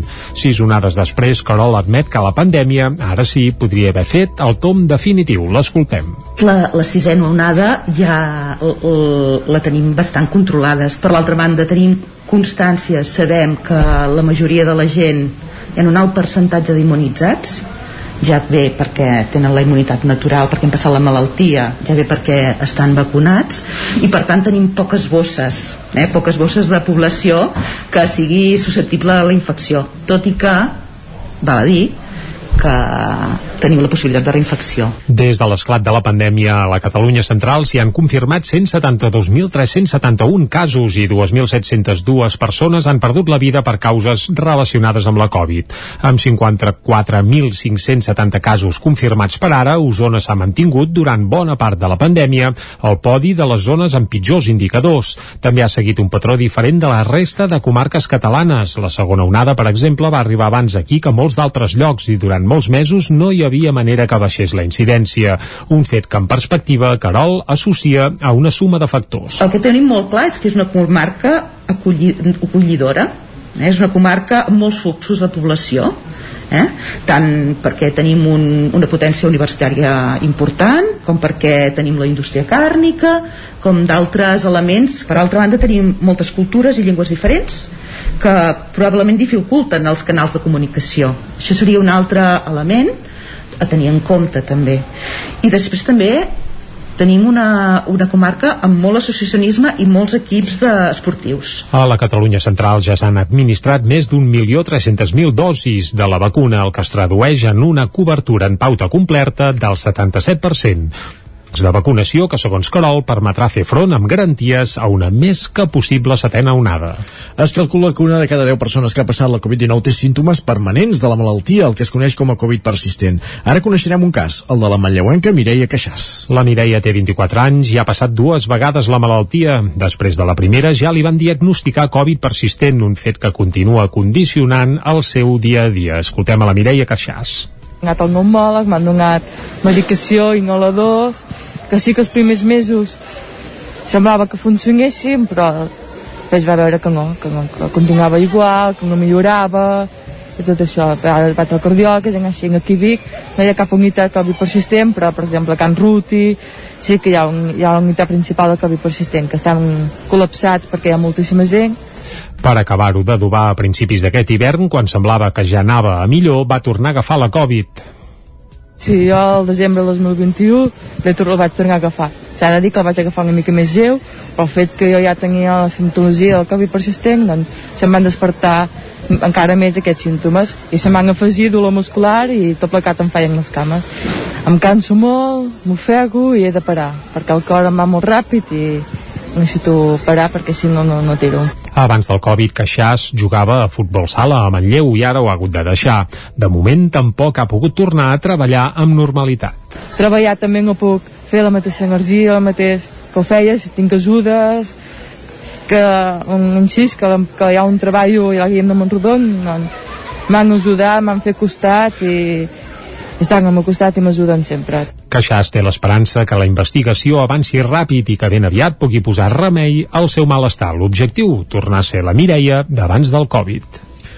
El Consell Comarcal del Ripollès tanca l'exercici 2021 del servei de recollida de residus amb una liquidació que supera els 3 milions d'euros. Isaac Muntades, des de la veu de Sant Joan. En el darrer Consell d'Alcaldes i Alcaldesses del Ripollès es va aprovar per unanimitat la liquidació de l'exercici de l'any 2021 que es correspon al manteniment de l'abocador clausurat Ripollès 3 i el tractament de recollida dels residus urbans. Els comptes presentaven un resultat de poc més de 3 milions d'euros respecte al previst pel que fa al cost dels serveis i una desviació de 296.000 euros a favor dels ajuntaments ajuntaments. Tal com va explicar la cap de l'àrea de Territori i Sostenibilitat, Elisabet Muntades, aquests costos es desglossen entre el manteniment de l'abocador clausurat, els serveis de recollida de residus de cada municipi i el tractament posterior d'aquests. Dels 3 milions d'euros, el 47% corresponen al cost del servei de la recollida de residus urbans i fer-ne el tractament es tradueix en el 27%, una xifra que podria reduir-se a zero si tota la població separés els residus degudament per fraccions. Tant el servei de deixalleries i recollida de trastos com el manteniment de l'abocador clausurat representen un 11% del total respectivament, mentre que el 4% restant s'atribueix a altres despeses menors. El 2021 es va dedicar el 53% del cost al transport i al tractament de lixiviats i el 38% a les darreres actuacions de millora de les instal·lacions. La proporció de la recollida selectiva sobre totes les escombraries també va augmentar, però molt lleugerament, passant del 46,6 al 48,4%. Destriant les dades per fraccions, la proporció més elevada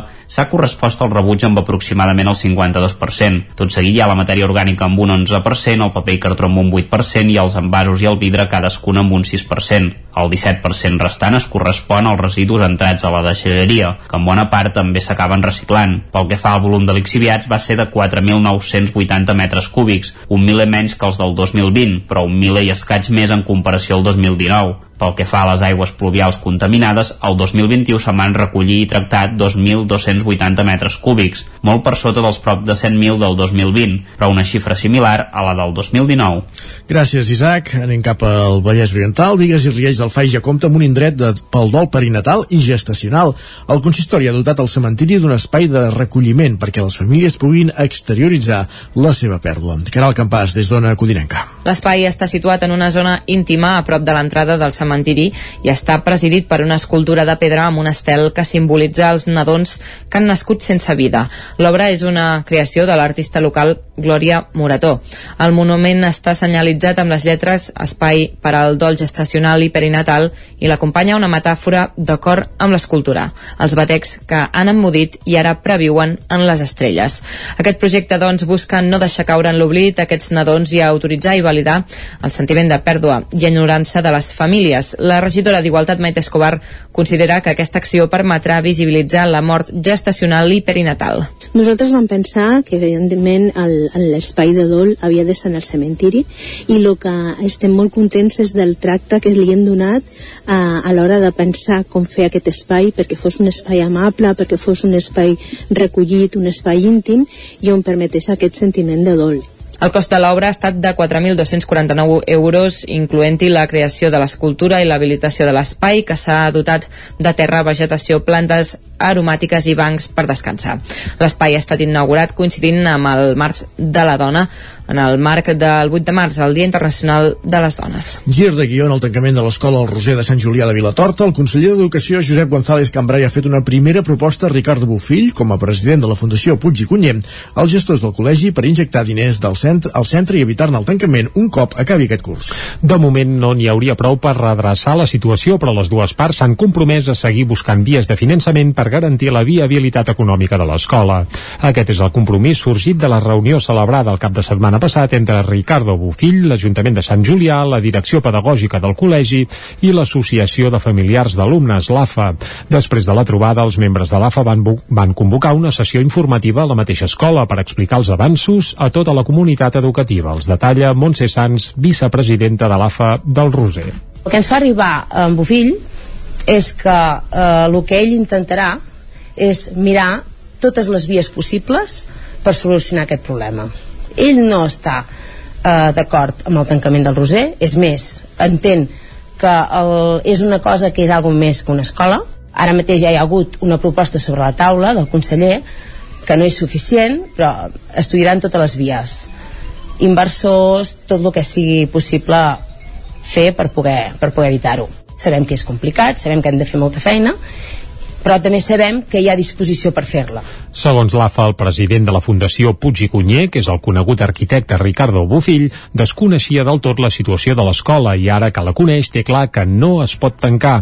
Escoltem a Josep Casals, que és membre de l'AFA del Roser.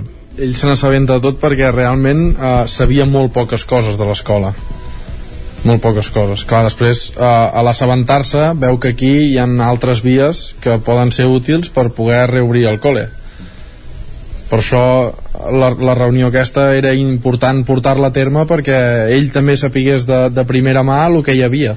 Des de l'Associació de Familiars d'Alumnes es mostren convençuts que el centre no tancarà les portes i han fet una crida a les famílies a tenir paciència i apostar pel Roser de cara al pròxim curs 2022-2023, ara que s'han de concretar les preinscripcions. Divendres es presentava a la llibreria Espai 31 de Cardedeu el llibre Històries del Montseny, un volum de, amb 72 històries que parlen de natura, fortificacions o llegendes. Núria Lázaro, des de Ràdio Televisió Cardedeu. 72 històries, històries conegudes i històries per conèixer el Montseny. 10 capítols amb història, llegenda i naturalesa al llibre Històries del Montseny de l'editorial Gavarres. Òscar Ferrarons, autor del llibre. Nosaltres som uns grans coneixedors del Montseny, ja fa molts anys que estem passejant i, i, i, i veient aquestes històries. De fet, és que cada que vas passejant trobes una nova història, no? I les històries estan enganxades al territori, no? Eh, doncs hi ha una, la Creu de Matagalls, explica una mica la història, però sempre aquesta història una mica, no un gran, diguéssim, desenvolupament teòric, sinó que amb, un, amb només en dues pàgines i que qui vagi al, al lloc doncs, descobrirà doncs, petites anècdotes o petites coses que potser no sabia i bueno, que això aporta un coneixement extra no? El llibre es va presentar a la llibreria Espai 31 de Cardedeu amb la presència de l'autor Òscar Ferrarons, acompanyat per Ricard Bertran, guarda forestal del Montseny, Joan Periques, Buscarol i Àngel Madrià, director de l'editorial.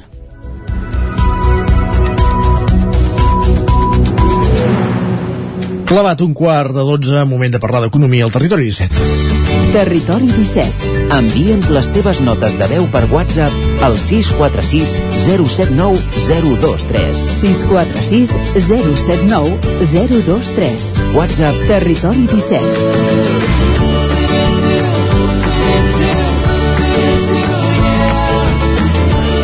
Territori 17 som a Facebook, Twitter i Instagram amb l'usuari Territori 17.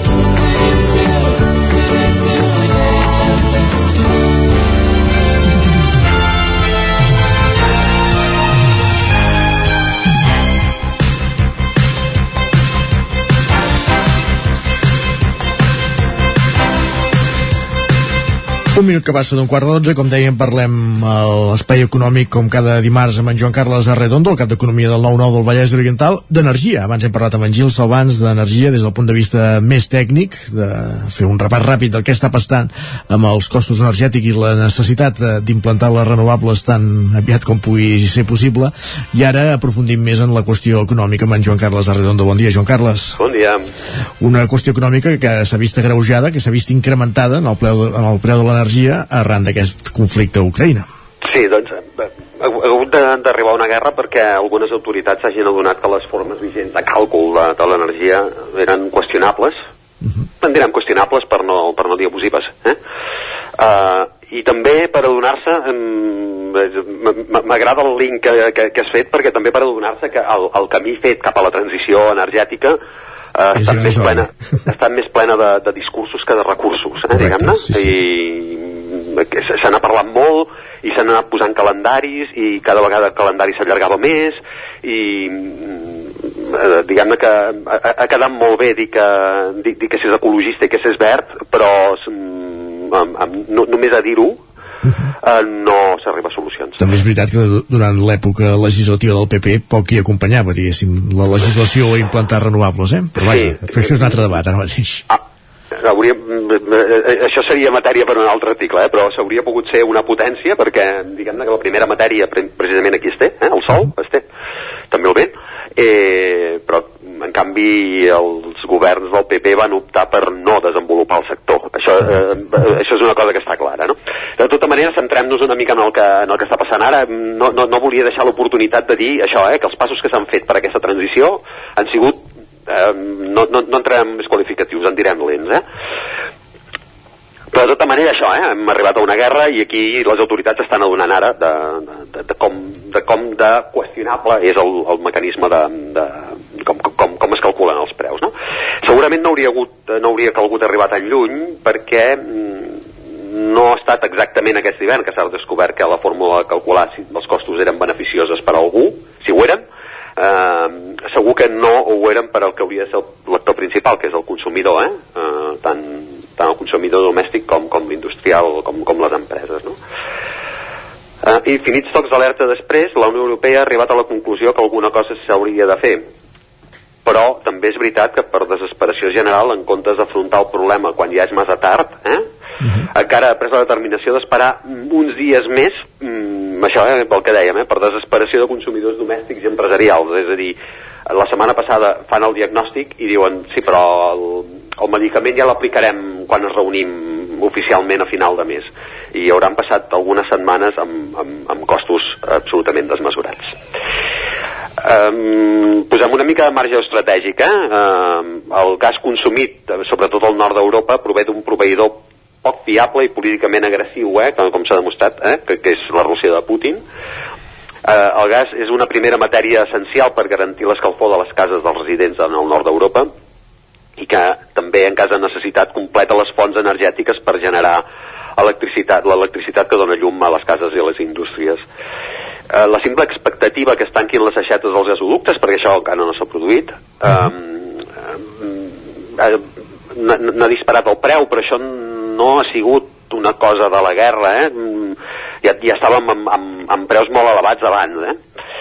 Eh, vull dir, Però sí que, els, sí que els mercats, a, a partir d'aquest fet, han acabat de, de fer, no sé si és especulació o què, però que han, han fet créixer més els preus encara, diguéssim. mm, dius, no sé si, si especulació, jo, jo, jo, jo gairebé diria que en tinc la certesa, eh? Evidentment, però era, era per fer la punt sense... Exacte, sí, sí. Um, és cert que el gas està car, vull dir, això és una, una cosa que és certa, no? Eh, I això afecta la factura de llum.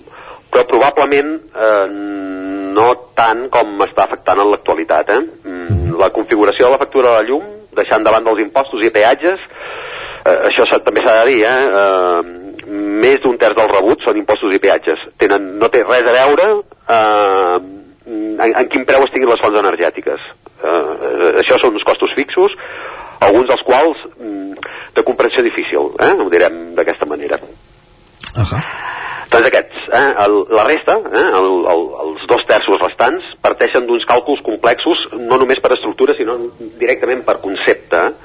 Eh, cada dia intentarem, ja, ja, ja hem dit alguna vegada eh, que en el sector es diu que si algú t'ha explicat el, la configuració del rebut de la llum i ho has entès és que ho has explicat malament i intentarem a veure si podem posar-hi una mica de llum valgui l'expressió en aquest cas eh? Uh, cada dia es fa un supòsit de quina quantitat d'energia caldrà durant cada hora de l'endemà eh? uh, sí.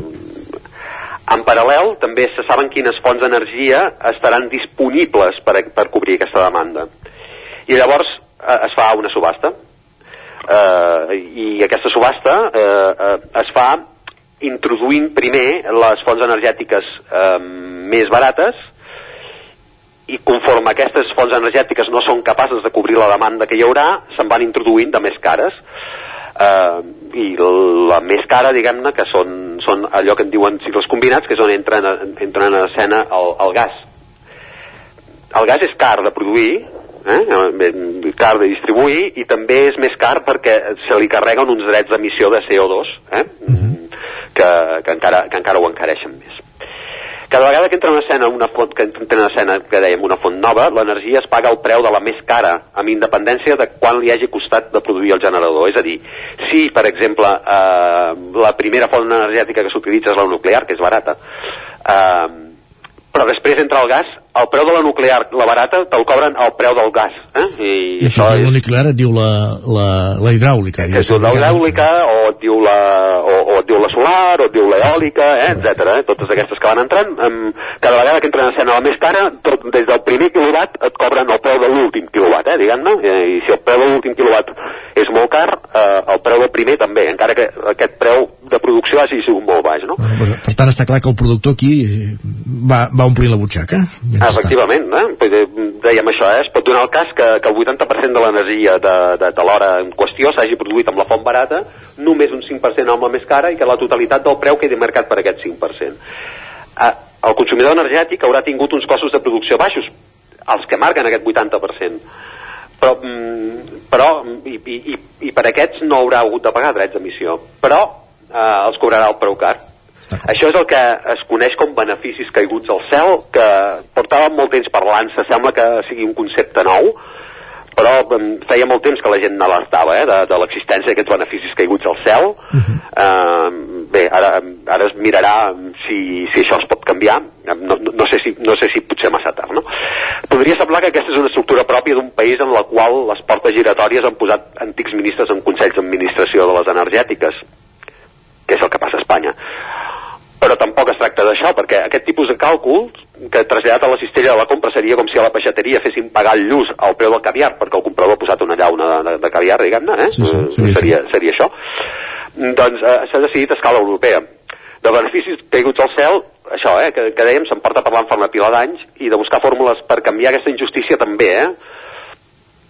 Um, fer dependents dels capricis del mercat les factures elèctriques de les cases i de les empreses hauria de quedar fora de les, de les agendes polítiques o només form... eh, diguem-ne que ara el clam aquest eh, arriba de la, de la Unió Europea i la resposta ha estat que sí, que cal revisar-ho i que ho faran amb una cimera que se celebrarà sis setmanes després que hagi esclatat un conflicte bèl·lic que en el fons també està sent responsable de, dels creixements que s'estan que s'estan produint actualment, no?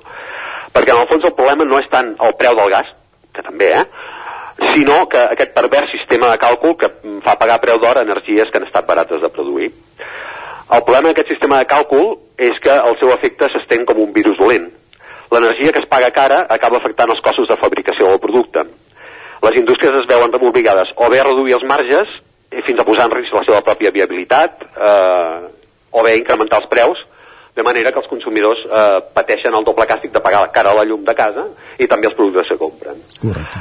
La situació s'ha arribat a greujar fins al punt que, segons una enquesta que difonia aquesta setmana, la patronal, la setmana passada, perdó, la, la patronal Pime- PIMEC, un 16% de les empreses veuen en perill la seva pròpia continuïtat. I això també significa que estan en risc el lloc de treball d'aquestes empreses. Um, Pimec feia un càlcul, eh? deia que el preu del quilowatt hora amb, amb els costos del gas, de, de la manera que s'està calculant ara, arriba a 423 euros, i en canvi si s'haguessin desglossat i es pagués cada font energètica, eh? el lluç a preu de lluç, el caviar a preu del caviar, diguem-ne, sí, sí. cadascú, um, diguem-ne que donaria un preu tres vegades superior, eh, inferior, perdó, eh, de 178 euros. Canvia la cosa, canvia. Sí, per tant, el, el que s'hauria de reclamar és que urgentment eh, la, la, la Unió Europea vagi prenent, això és el que s'està fent, eh, eh, les, les, les organitzacions empresarials, les organitzacions de consumidors, estan dient, si plau que el lluç es pagui a preu de lluç i el preu. Eh, eh, el que ens comentava abans en Gil, que aquí hi ha el conflicte, per exemple, en països com Alemanya, que són grans dependents de, del gas i que tenen poca renovable, diguéssim. Sí, però... O poc sol, per entendre'ns. De tota manera, ells tenen una estructura d'energies renovables bastant més estructurada que, que la d'aquí, eh? Sí, sí. Um, això, ells, ells ho tenen al sol, però com a mínim els Correcte. materials els tenen. Sí, sí. De tota manera, això, eh? Lluz a preu de lluz, caviar a preu de caviar, sí, és que de, en el fons no és tan difícil d'entendre. Correcte. Doncs ja em, Déu t'escolti, que diguis. Entesos, a veure, a veure si és veritat i a final de mes es pren alguna determinació en aquest sentit i espero, esperem que no sigui temporal perquè és el que s'està parlant. Anirem parlant. Gràcies, Joan Carles, una setmana més per ser al territori 17 i posar-nos llum en aquesta foscor i avui mai millor dit, procurem pagar-la preu de lluç. Entesos, molt bé. Moltíssimes gràcies. Bon dia. Acabem aquí doncs aquesta secció dedicada a l'economia al territori 17 i ara el que farem és una petita pausa de 3 minuts i encarem la recta final del programa. Passarem per la R3 amb les cròniques del dia que recull Isaac Muntades i després el racó de pensar amb la Maria López des de Cardedeu fins ara. El nou FM, la ràdio de casa, al 92.8. A la Clínica Dental Sant Fortià hi trobareu un equip professional que treballa de manera coordinada per oferir un tracte sensible i humà. Estem preparats per qualsevol urgència dental i oferim accions preventives per la tercera edat i els infants. I aquest carnaval, vine disfressat i emporta't un regal. Clínica Dental Sant Fortià. Ens trobareu a la plaça Sant Fortià número 9 de Torelló al 93 859 6408 i al 690 92 51 99. Vols aprendre anglès i viure una experiència inoblidable? Estades per a joves a Irlanda, classes d'anglès i un munt d'activitats, allotjats en família o en residència i convivint sempre amb joves d'altres països. També classes per adults i programes per a tota la família. Tures Language and Travel, especialistes en Irlanda des de 1994. Més informació a tures.cat. El racó de León ja és primavera. Gaudeix de la nostra terrassa. Vine a tastar les xuletilles de lechal a la brasa amb una bona amanida o el xuletón de vedella gallega. No et pots perdre el nostre lechado de Castilla al forn o el cochinillo a l'estil de Segovia. Tot acompanyat del millor celler, al menjador o fora la terrassa. Descobreix la millor cuina de Lleó sense moure't de casa. Vine amb la família, els amics, la parella o sol. T'encantarà. El racó de León, cuina tradicional lleonesa i de mercat. Som al carrer Torelló número 35 de Vic. Per reserves, telèfon 93 889 1950. El racó de León, una cuina diferent. Arriba la primavera i tornen les samarretes. A Gràfic Cert tenim una extensa varietat de samarretes per vestir el teu personal, promocionar la teva empresa, club esportiu, associació... Si estàs organitzant un esdeveniment esportiu o una festa cultural, una samarreta és una bona opció per lluir la teva marca. Ja ho saps, si el que necessites per la teva promoció és una samarreta, Gràfic Cert és el teu proveïdor. I ara també tenim a la teva disposició samarretes 100% reciclades tant de cotó com de polièster. No esperis més i truca'ns al 93 886 12 15 o visita'ns a graficser.com. Al restaurant Xavito Gastro de Vic hi trobaràs una cuina mediterrània i de mercat amb gran varietat de plats, amb arrossos, carn o peix fresc de la llotja cada dia. Vine a dinar de dimarts a divendres i prova el nostre menú diari per només 15 euros o a les nits de dijous a diumenge tastar el nostre menú degustació amb arrossos i tapes per 25 euros. Restaurant Xamito Gastro. Ens trobaràs al carrer Callnou número 9 de Vic i al telèfon 93 094 1172 o al 747 42 90 92 58. El nou FM, el nou FM, el nou FM, el nou FM. Territori 17. A Tren d'Alba. Cada dia els usuaris de la línia R3 de Rodalies que veuen sortir el sol des d'un vagó ens expliquen les gràcies i les penes del primer comboi que uneix Ripoll i Barcelona. Benvinguts a Tren d'Alba. Una informació de servei avui és que Rodalies de Catalunya ha informat que s'han habilitat dues cancel·ladores a l'estació de Palau Tordera que permetran la validació de bitllets i abonaments. Esperem que funcionin durant molt de temps i no s'espatllin per culpa de la falta de manteniment o de les bretolades d'uns quants, que ja sabem que Renfe no només es saboteja des de dins, sinó que també té enemics externs. Va, us deixo amb la crònica d'en Jordi Valls d'avui. Bon dia, sóc en Jordi de Centelles. Avui érem més colleta. El tren ha arribat 5 minuts tard. Era el que ve de Ripoll, a Centelles el segon, de, el segon. Hem estat de xerrant, xerrant, xerrant i hem arribat a la conclusió que una setmana després, el 8M, s'ha acabat el postureu lila. Sí, sí, tot, per exemple, les empreses que canvien el logo, treuen història de les dones a l'empresa i tal, tot torna a la trista i vulgar i masclista normalitat. Hem estat xerrant i, i bueno, veient, per exemple, amb la canalla, i ho explicàvem, l'actitud de canalla petita que veus en jocs mixtes que als nens els hi costa, per exemple, passar la pilota a les nenes, perquè són nenes, no perquè siguin bones o dolentes. Clar, per molta força i ganes que fiqui la persona que estigui fent l'entrenament. Perquè hi ha un factor que ens oblidem. Famílies, composades amb el mix que voleu, som les màximes responsables de l'educació de la canalla. Condicionem i som un factor hiperimportant, potser el principal i més vertebral. I al final acaben replicant el que veuen a casa. I no comencem a dir, no, això és que l'escola... Bueno, com l'educació sexual, no? L'escola això hauríem de fer una sessió. No, perdoneu, l'educació sexual, la sexoafectiva, estimant-nos a nosaltres mateixos i a la resta de la gent, s'aprèn a casa. Per tant, no deleguem la que és la nostra feina. Anàvem forts avui al tren, sí, sí, anàvem, i anava força ple, eh, per cert. Res més, no us atabalo més. Famílies, els que són famílies, com sigui, pensem-hi, som el factor més important per educar, d'acord? Vinga, adeu-siau, que una mala renfe no us espatlli la màgia del tren. Adéu-siau. El postureig lila és bastant odiós perquè si es vol pregonar igualtat s'ha de fer cada dia de l'any i no un dia o una setmana en concret com s'ha fet enguany. Però és veritat que queda bé dir que s'és feminista i tots aquests mantres. Va, ens retrobem demà amb més històries del tren i de l'R3. Territori, Territori 17. 17. Territori 17.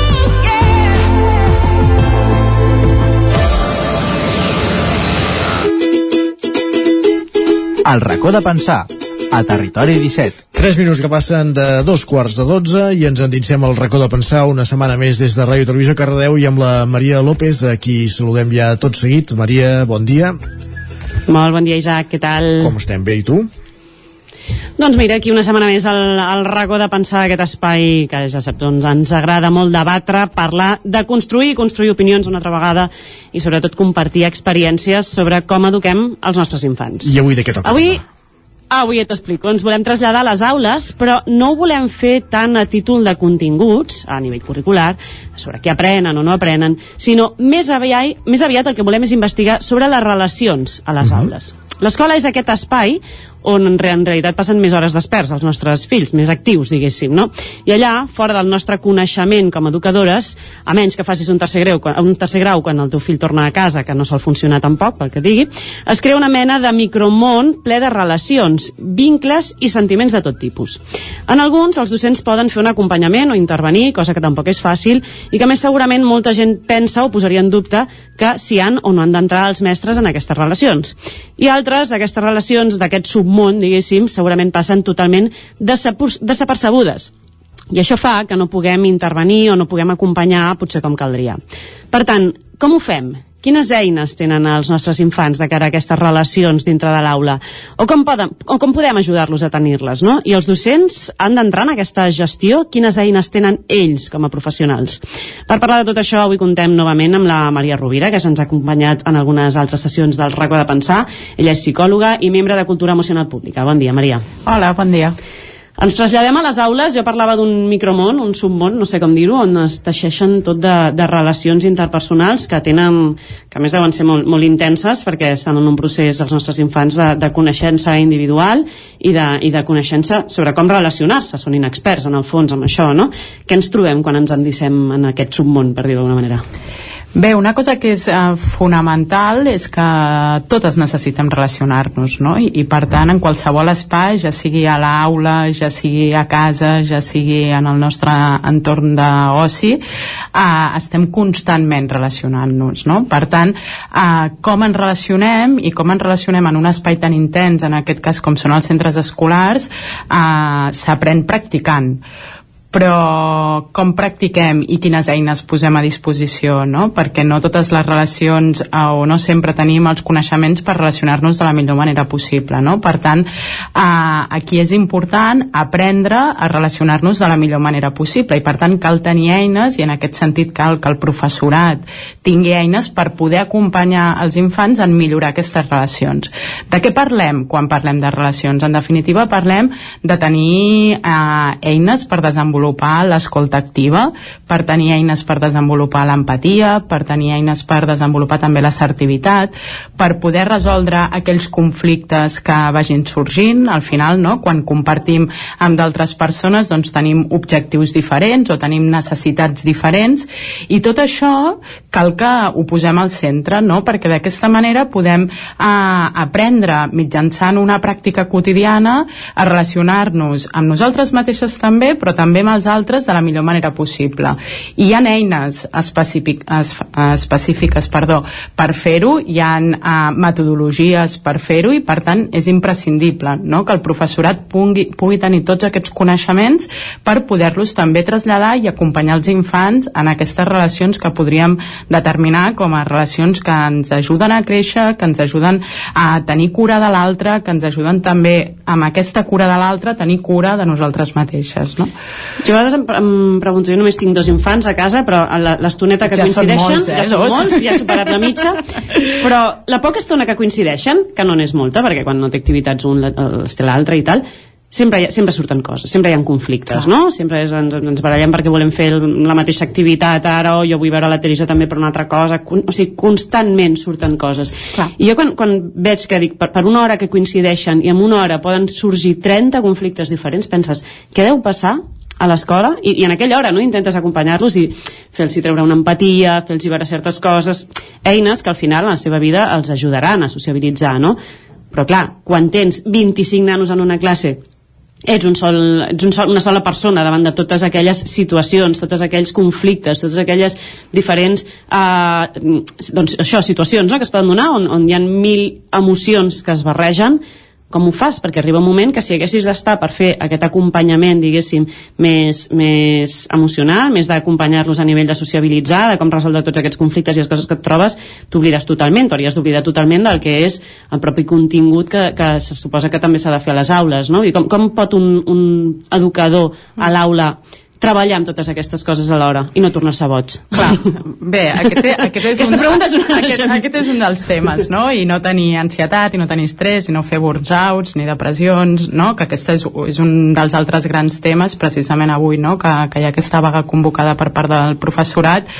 Uh, una de les uh, demandes, no?, és a les ràtios que hi ha a les aules i, per tant, l'augment de professorat, l'augment de plantilla també en aquest sentit, no? Si nosaltres volem intervenir eh, donant eines i no només amb allò que és curricular com tu deies, no? sinó transversalitzar també aquesta educació emocional, generar també en definitiva aquesta cultura emocional de centre, necessitem poder atendre no? tota aquesta diversitat, atendre aquestes diferents necessitats i, i aquestes eh, situacions que tu comentaves, no? i per tant aquí calen recursos i calen recursos eh, a nivell de, de i alhora cal que aquest personal també tingui les eines i tingui la capacitat de poder esdevenir referents en relació a això i això passa primer perquè puguin integrar no? totes aquestes eines per si mateixos. És a dir, el que hem de tenir molt clar és que al final eh, els infants, eh, els adolescents, ells eh, s'emmirallen no? en allò que fan els adults, en allò que fan eh, els seus referents i per tant, si nosaltres en aquest sentit no som coherents en allò que estem demanant als infants, eh, no som coherents a l'hora de fer aquestes demandes de les necessitats que tenim, eh, a l'hora de resoldre conflictes, a l'hora de parlar des d'aquesta assertivitat responsabilitat, de tenir desenvolupada aquesta escolta activa, um, estem sent un mal exemple, no? I per tant no estem podent traslladar aquesta manera de fer, aquesta manera de relacionar-nos uh, de, la, de la millor manera possible, no? I, I de la forma correcta. Per tant, aquí és necessari no, a volcar recursos i destinar uh, en aquest sentit uh, una pota fonamental a aquesta transversalització de l'educació emocional que ha d'anar doncs, des de ben petits fins a que són adults i després això ho hem de seguir podent fer no? i aquí ja hi haurien altres administracions entenem que haurien de ser les responsables no? de que totes al llarg de la nostra vida puguem anar desenvolupant aquestes competències emocionals d'una banda les que ens afecten directament a nosaltres no? aquelles que tenen a veure en saber què sentim, com sentim, què fem amb allò que sentim, eh, com reverteix això en la nostra autoestima i en la nostra autonomia per poder esdevenir eh, persones eh, també que ens podem relacionar de la millor manera en el, amb el nostre entorn i així doncs no, passar aquestes competències que al final són uh, aquestes que, que ens permeten doncs, tenir aquesta assertivitat, aquesta empatia de, de la que parlàvem, no? aquesta escolta activa, aquesta capacitat de resoldre conflictes, de poder-nos automotivar entre nosaltres i això no s'aprèn d'un dia per l'altre, això és un procés que fas al llarg de tota la vida perquè a la vida et van passant moltíssimes coses no?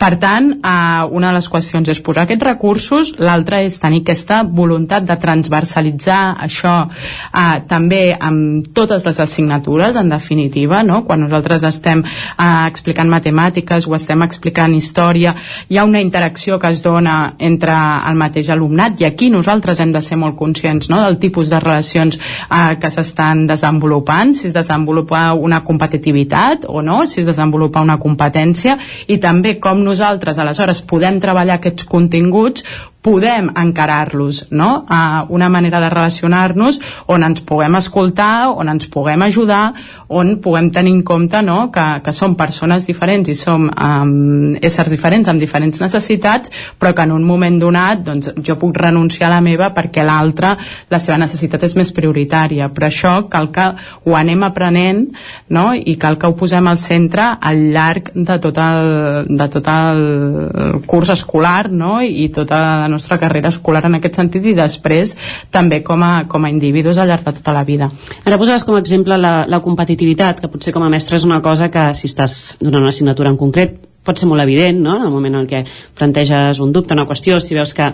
Però segurament hi ha molt, moltes altres d'aquestes relacions de les que parlàvem que deuen passar més desapercebudes perquè segurament passen en aquells moments entre, entre classes, no?, que és, que és on segurament es gestiona a mi quan vam, vam parlar en el primer moment no? de parlar de les mm. relacions a les aules, em va venir de seguida al cap eh, aquell, el, el, aquesta sensació de que en els, almenys quan jo estudiava sempre a totes les classes hi havia el, el més eh, segur de ser mateix o que aparentava ser més segur, més xulito de la classe la persona més, alguna més apartada la més popular hi havia com certs rols mm. que es repetien i semblava que, que sí o sí havies d'assumir un d'aquests rols típics de, de, dintre del grup no? Sí, i això és una cosa en la qual hem d'estar molt atentes, no? perquè al final pot acabar derivant en estigmes, no? Hi ha, hi ha certs rols que ja tens assignats que tu no has decidit eh, de manera conscient i que, i que et marquen no? ja el teu recorregut i per tant eh, jo crec que aquí el, el professorat i, i el personal administratiu inclús i aquelles les persones que estan també a l'hora de menjadors no? les que fan activitats extraescolars els que esdevenen aquests, aquests referents han d'estar molt atents d'atendre no? Aquesta, aquests rols que es donen, aquesta diversitat que es dona, mirar què hi ha darrere, no? Uh, escoltar perquè es generen aquests rols marcats, poder-ne parlar, també de manera oberta, si sabem que això està passant, per què està passant i per què aquesta persona li estem otorgant aquest rol i per què ah, una mateixa s'està situant en aquest rol, no? i poder-ho parlar des de la naturalitat, no des del drama, no des de l'estigmatització, sinó um, d'entendre que també en, quan vivim en societat passa això, no? i existeixen aquests rols, però que podem també no? trencar, tan, trencar aquests rols, i aquí penso clarament, per exemple, amb els rols de gènere, no? que moltes vegades uh, es desenvolupen a les aules aules i que si no som molt conscients de com eh, treballar i, i deseducar-nos en certa manera d'aquests rols que se'ns assignen pel simple fet eh, de tenir un sexe femení o sexe masculí eh, doncs anem no, perpetuant cert estigma i ja anem encaminant de tal manera que no podem eh, generar no, persones lliures de poder decidir allò que, allò que volen ser no? per tant aquí eh, és important tenir doncs, els ulls molt oberts als espais d'observació no? de tot allò que passa per exemple a l'hora de, de pati no? com es relacionen aquí nosaltres ens dona moltíssima informació no? sobre, sobre el que està passant de la mateixa manera que quan posem al centre a parlar sobre um, com ens sentim, què ens està passant com estem vivint aquesta realitat a vegades ens trobem amb experiències com per exemple que, que es posen a plorar no? que hi ha moments en què alumnes es trenquen doncs això és perquè darrere aquí ja hi ha tot un seguit d'emocions que hem de poder fer emergir, que hem de poder treballar i que hem d'entendre que si ho treballem conjuntament, que si ho parlem, que si ho naturalitzem, això ens permet eh, viure amb molt més benestar també, no? I en construir-nos d'una manera eh, molt més sòlida, molt més sana, molt més conscient ja des de petits, no? Ara ens trobem moltes vegades amb adults que no saben què els hi passa no? que senten neguit, que estan angoixats, que van no? tot el dia accelerats i que quan paren senten una buidor però no saben què els hi passa no? i això és el que hem de poder revertir i això és el que pel motiu pel qual com ens relacionem, quina és la feina no? que nosaltres fem en aquests centres educatius és fonamental no? per poder prevenir aquestes situacions eh, després en els adults no? De, de no saber què em passa, de no saber què fer-ne d'allò que em passa, de no saber com no ser agressiu quan estic enfadat de no eh, poder escoltar les necessitats de l'altra persona tot això ho hem d'educar i això s'aprèn fent és a dir, no hi ha un llibre que et digui si fas A després B i després C sinó Ojalà, que, sí, ens agradaria moltes vegades treure el manual, Exacte. però no, tenim alguns indicadors i per sort no, um, doncs hi ha estudis no, i tenim el, el GROP, per exemple, de la Universitat de Barcelona, que treballa amb un model ja molt concret de competències emocionals, um, que ens indiquen no, cap on hem de caminar, però això és pràctica, pràctica i pràctica. Suposo que també un dels grans... Bé, no ho sé, eh? potser ha canviat la cosa, però em dóna la sensació que potser part de l'oposició a tota aquest, aquesta manera o aquesta mirada que, que proposem fer des de les aules està amb les mateixes famílies. Tinc la sensació que potser si per desgràcia toca que el teu fill o filla dintre de les relacions interpersonals de la classe té una posició on ha quedat una mica apartat o no ho està passant bé, segurament agafes certa consciència que en canvi si potser el teu fill o filla està ben situat dintre d'aquestes relacions personals segurament li treus importància i segurament heu sentit també moltes vegades aquesta frase de coses de nens Sí, ja, exacte. ja s'arreglaran, no? Sí, exacte.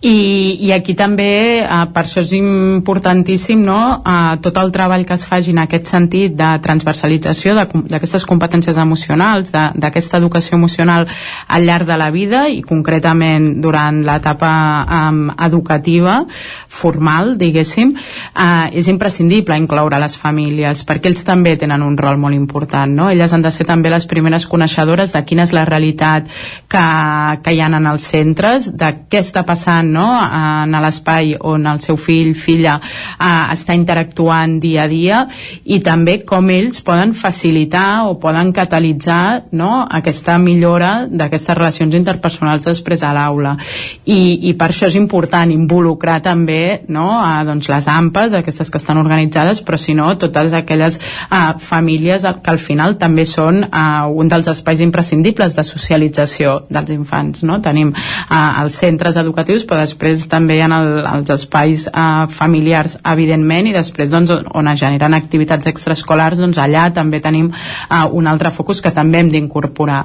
no? aquí no podem eh, fer um, nom només posar el focus en un d'aquests llocs sinó que necessitem tenir aquesta mirada mm, global no? i que interpel·li a totes les persones que com deia a l'inici al final els adults som els referents ens agradi o no. Potser a vegades ens agradaria no ser-ho, uh, però, però és així.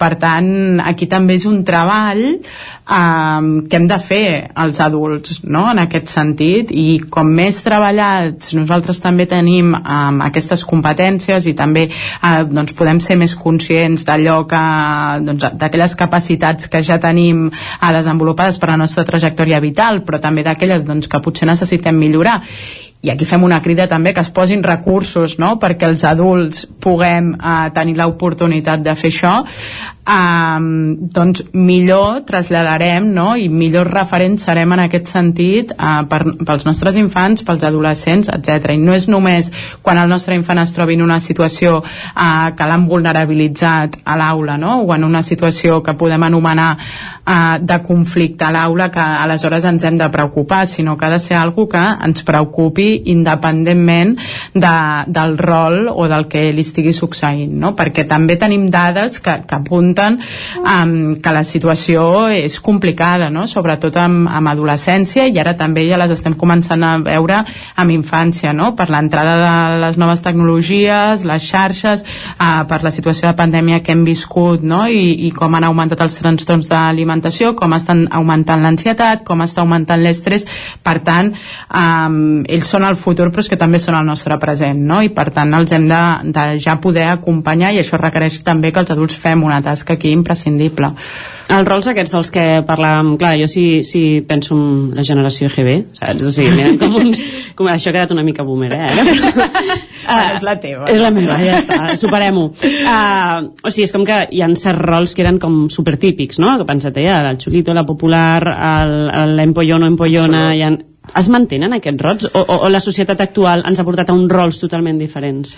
Jo crec que aquests rols es segueixen mantenint, però per sort eh, sí que ara ja, ja hi ha moltes més eines no, per poder treballar això a la que es veu que emergeixen, no, aquests rols, i ja hi ha molts més espais i ja, ja hi ha molta més consciència de com això eh, acaba esdevenint perjudicial no, per, per a l'infant o per l'adolescent, i per tant ja s'intenta no, tenir la mirada de veure com revertim aquesta situació, com se'n pot parlar i eh, tenir una atenció més especialitzada pel que fa amb tots aquests rols.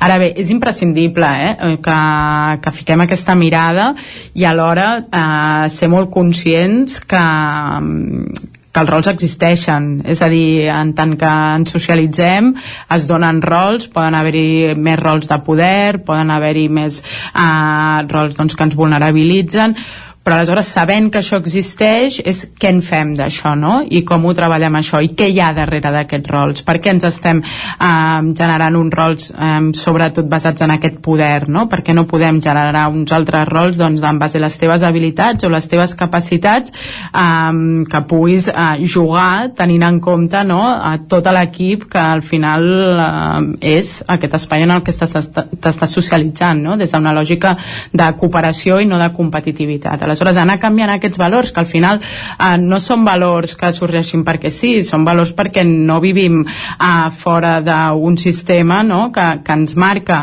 com aquest camí de la individualitat no? el si tu vols pots eh, i d'aquest egoisme no? perquè forma part de, dels valors en aquest sentit de, de, bueno, en, el, en el món en el que estem i aquí és on nosaltres hem de ser radicalment eh, oposats no? eh, perquè sabem a part que aquests valors van en detriment de la nostra salut emocional i del nostre benestar i també dels nostres infants no? per tant en la mesura que nosaltres intentem capgirar aquests rols sabent que hi haurà rols però portant-nos no? cap, a, cap a una lògica doncs, això de cooperació, d'ajuda um, d'escolta, de posar en valor allò que a mi se'm dona bé uh, però posar-ho al servei no? també d'aquest col·lectiu des de el moment en què ens entenem no? que formem part d'un tot de que nosaltres uh, no som imprescindibles imprescindibles però sí que som necessaris no? um, aleshores això ho podem viure d'una manera que no vagi en detriment de la nostra salut emocional i com a conseqüència de la nostra salut mental Tornant a les aules, tornant a l'escola, estem parlant d'uns docents, d'uns professors als que els hi demanem que gestionin 20 i pico alumnes interactuant i amb mil situacions entre ells, que donin un contingut curricular X, perquè si, si no avancem en aquesta cosa com a mares i pares és, ah, és que no fan res si ens trobem una situació on eh, ningú s'ha donat de, de, doncs això, no? situacions de conflicte eh, intern on s'ha, potser s'ha apartat o fins i tot casos de bullying que han passat desapercebuts, els docents també malament eh, eh, què, què, què més què els hi estem demanant, per favor no? estem demanant, eh, no sé que siguin uns àngels i, i que ens resolguin tots els mals no? quines eines tenim per ells? clar, aquest és, a, per mi aquest és el gran tema no? o sigui, estem demanant cada cop no? s'exigeix més doncs, que es treballi això des d'una perspectiva de gènere que es treballi aquesta diversitat que es treballi també la interculturalitat que hi ha a les aules um, que es treballi doncs, uh, també des d'una lògica de, de promoure promoure no? a la salut emocional a, dels infants i per tant que s'adequi tot també a aquestes necessitats els estem demanant que els, que els alumnes participin, que estiguin actius um, clar, tot això sense recursos uh, humans, sense recursos materials, sense recursos formatius, sense l'acompanyament adequat uh, sense poder tenir cura de la seva realitat emocional també del mateix professorat no? tenim un professorat uh, amb un nivell de desgast molt elevat precisament per, perquè ells volen arribar a, a totes aquestes demandes no? I, i per tant són els primers eh, interessats en voler-ho fer també perquè entenen i jo no sóc professora, no? però sí que, que tinc en el meu entorn doncs, a diverses persones que, que exerceixen aquesta professió i, i són els primers no? a, a, en què volen a poder arribar a tot això. Ara bé, um, això no ho poden fer sols, necessiten recursos econòmics, necessiten recursos materials, necessiten recursos formatius, necessiten tenir cura d'ells mateixos perquè treballar amb persones és absolutament desgastant. Um, per, precisament per l'impacte no? que té eh, una persona doncs, veure situacions de, de vulnerabilitat, veure situacions conflictives, haver d'abordar aquestes necessitats on aleshores deixem relegades les nostres pròpies, aleshores necessitem escoltar-los no? i necessitem veure què posen ells sobre la taula i eh, tenir cura també, són un valor eh, molt preciat el, el, de la comunitat educativa i els dels professors en concret i aquí també incloc el personal administratiu, eh, incloc també tota aquella gent que, que treballa um, en l'educació no formal uh, que en el nostre país per sort no? doncs, uh, també uh, té un pes molt important i, i aquí hem de, hem de veure no, com realment posem en valor tot el que té a veure amb l'educació per també posar-lo al mateix nivell de tot allò que estem exigint no? I, i que volem en definitiva que, que tinguin els nostres infants, els nostres adolescents o, o també els adults no? I des de casa, des de casa com podem acompanyar el, el, aquestes relacions de l'aula, que quan realment hi hagi un conflicte aixequin la mà que no passi desapercebut? Jo crec que és important des de casa, doncs, com deia abans, um, treballar nosaltres mateixes en aquestes uh, competències emocionals, no? fer una feina específica i això ho podem fer doncs, uh, demanant a les AMPAs, per exemple, doncs, que es facin informacions en relació a això, uh, formacions que poden ser teòriques, que poden ser pràctiques, no? però uh, atrevir-nos a fer aquest pas, no? de mirar-nos a nosaltres mateixes i de veure com desenvolupem aquestes habilitats per relacionar-nos nosaltres millor amb nosaltres, però també amb els nostres infants i amb el nostre entorn. D'aquesta manera esdevenim aquest, uh, aquest referent. I de l'altre és estar molt atentes i interessar-nos amb allò que passa fora de, de casa, no? I fora de, uh, de l'estona que els tenim uh, amb nosaltres, no? I que intercanviem i ens relacionem amb els nostres infants o adolescents. Doncs amb aquestes eines, amb aquests consells per part de la Maria Rovira, ens arriba la música del final del racó de pensar, que ens avisa que se'ns acaba acaba la secció d'aquesta setmana ja saps que tu i jo tiraríem aquí sí, hores i hores. Sí, podríem estar moltes I ara ens podem anar a fer un cafè, ja tranquil·lament seguim la jornada. Uh, doncs res, moltíssimes gràcies, tu, Maria, convidadíssima gràcies. aquí quan vulguis, ja saps que tens aquí a casa teva. Sí, Cardedeu ens agrada molt. Isaac, et torno el relleu cap allà perquè puguis acomiadar el territori 17 d'avui i ens tornem a veure, jo em veig per almenys amb dijous. vosaltres el proper dimarts. Uh, dimarts? No, avui sí. Dijous, dijous a la plaça. Dijous, dijous, ens veiem dijous a la plaça. Moltes gràcies, fins bon dijous. Adéu, Maria, merci. Acabem el territori 17 amb un últim punt d'actualitat. Els sindicats d'ensenyament situen el seguiment de la vaga en el 60%, el Departament d'Educació a la meitat, el 30%. Acabem el territori 17, us hem acompanyat des de les 9, Pepa Costa, Òscar Muñoz, Guillem Sánchez, Txell Vilamala, Guillem Rico, Gil Salvans, Isaac Muntades, Caral Campàs, Núria Lázaro, Joan Carles Arredondo, Maria López, Jordi Sunyer i Isaac Moreno. Fins demà a les 9, adeu-siau. Territori 17 un magazín del nou FM. La veu de Sant Joan, Ona Codinenca i Ràdio Cardedeu amb el suport de la xarxa. al 9 FM.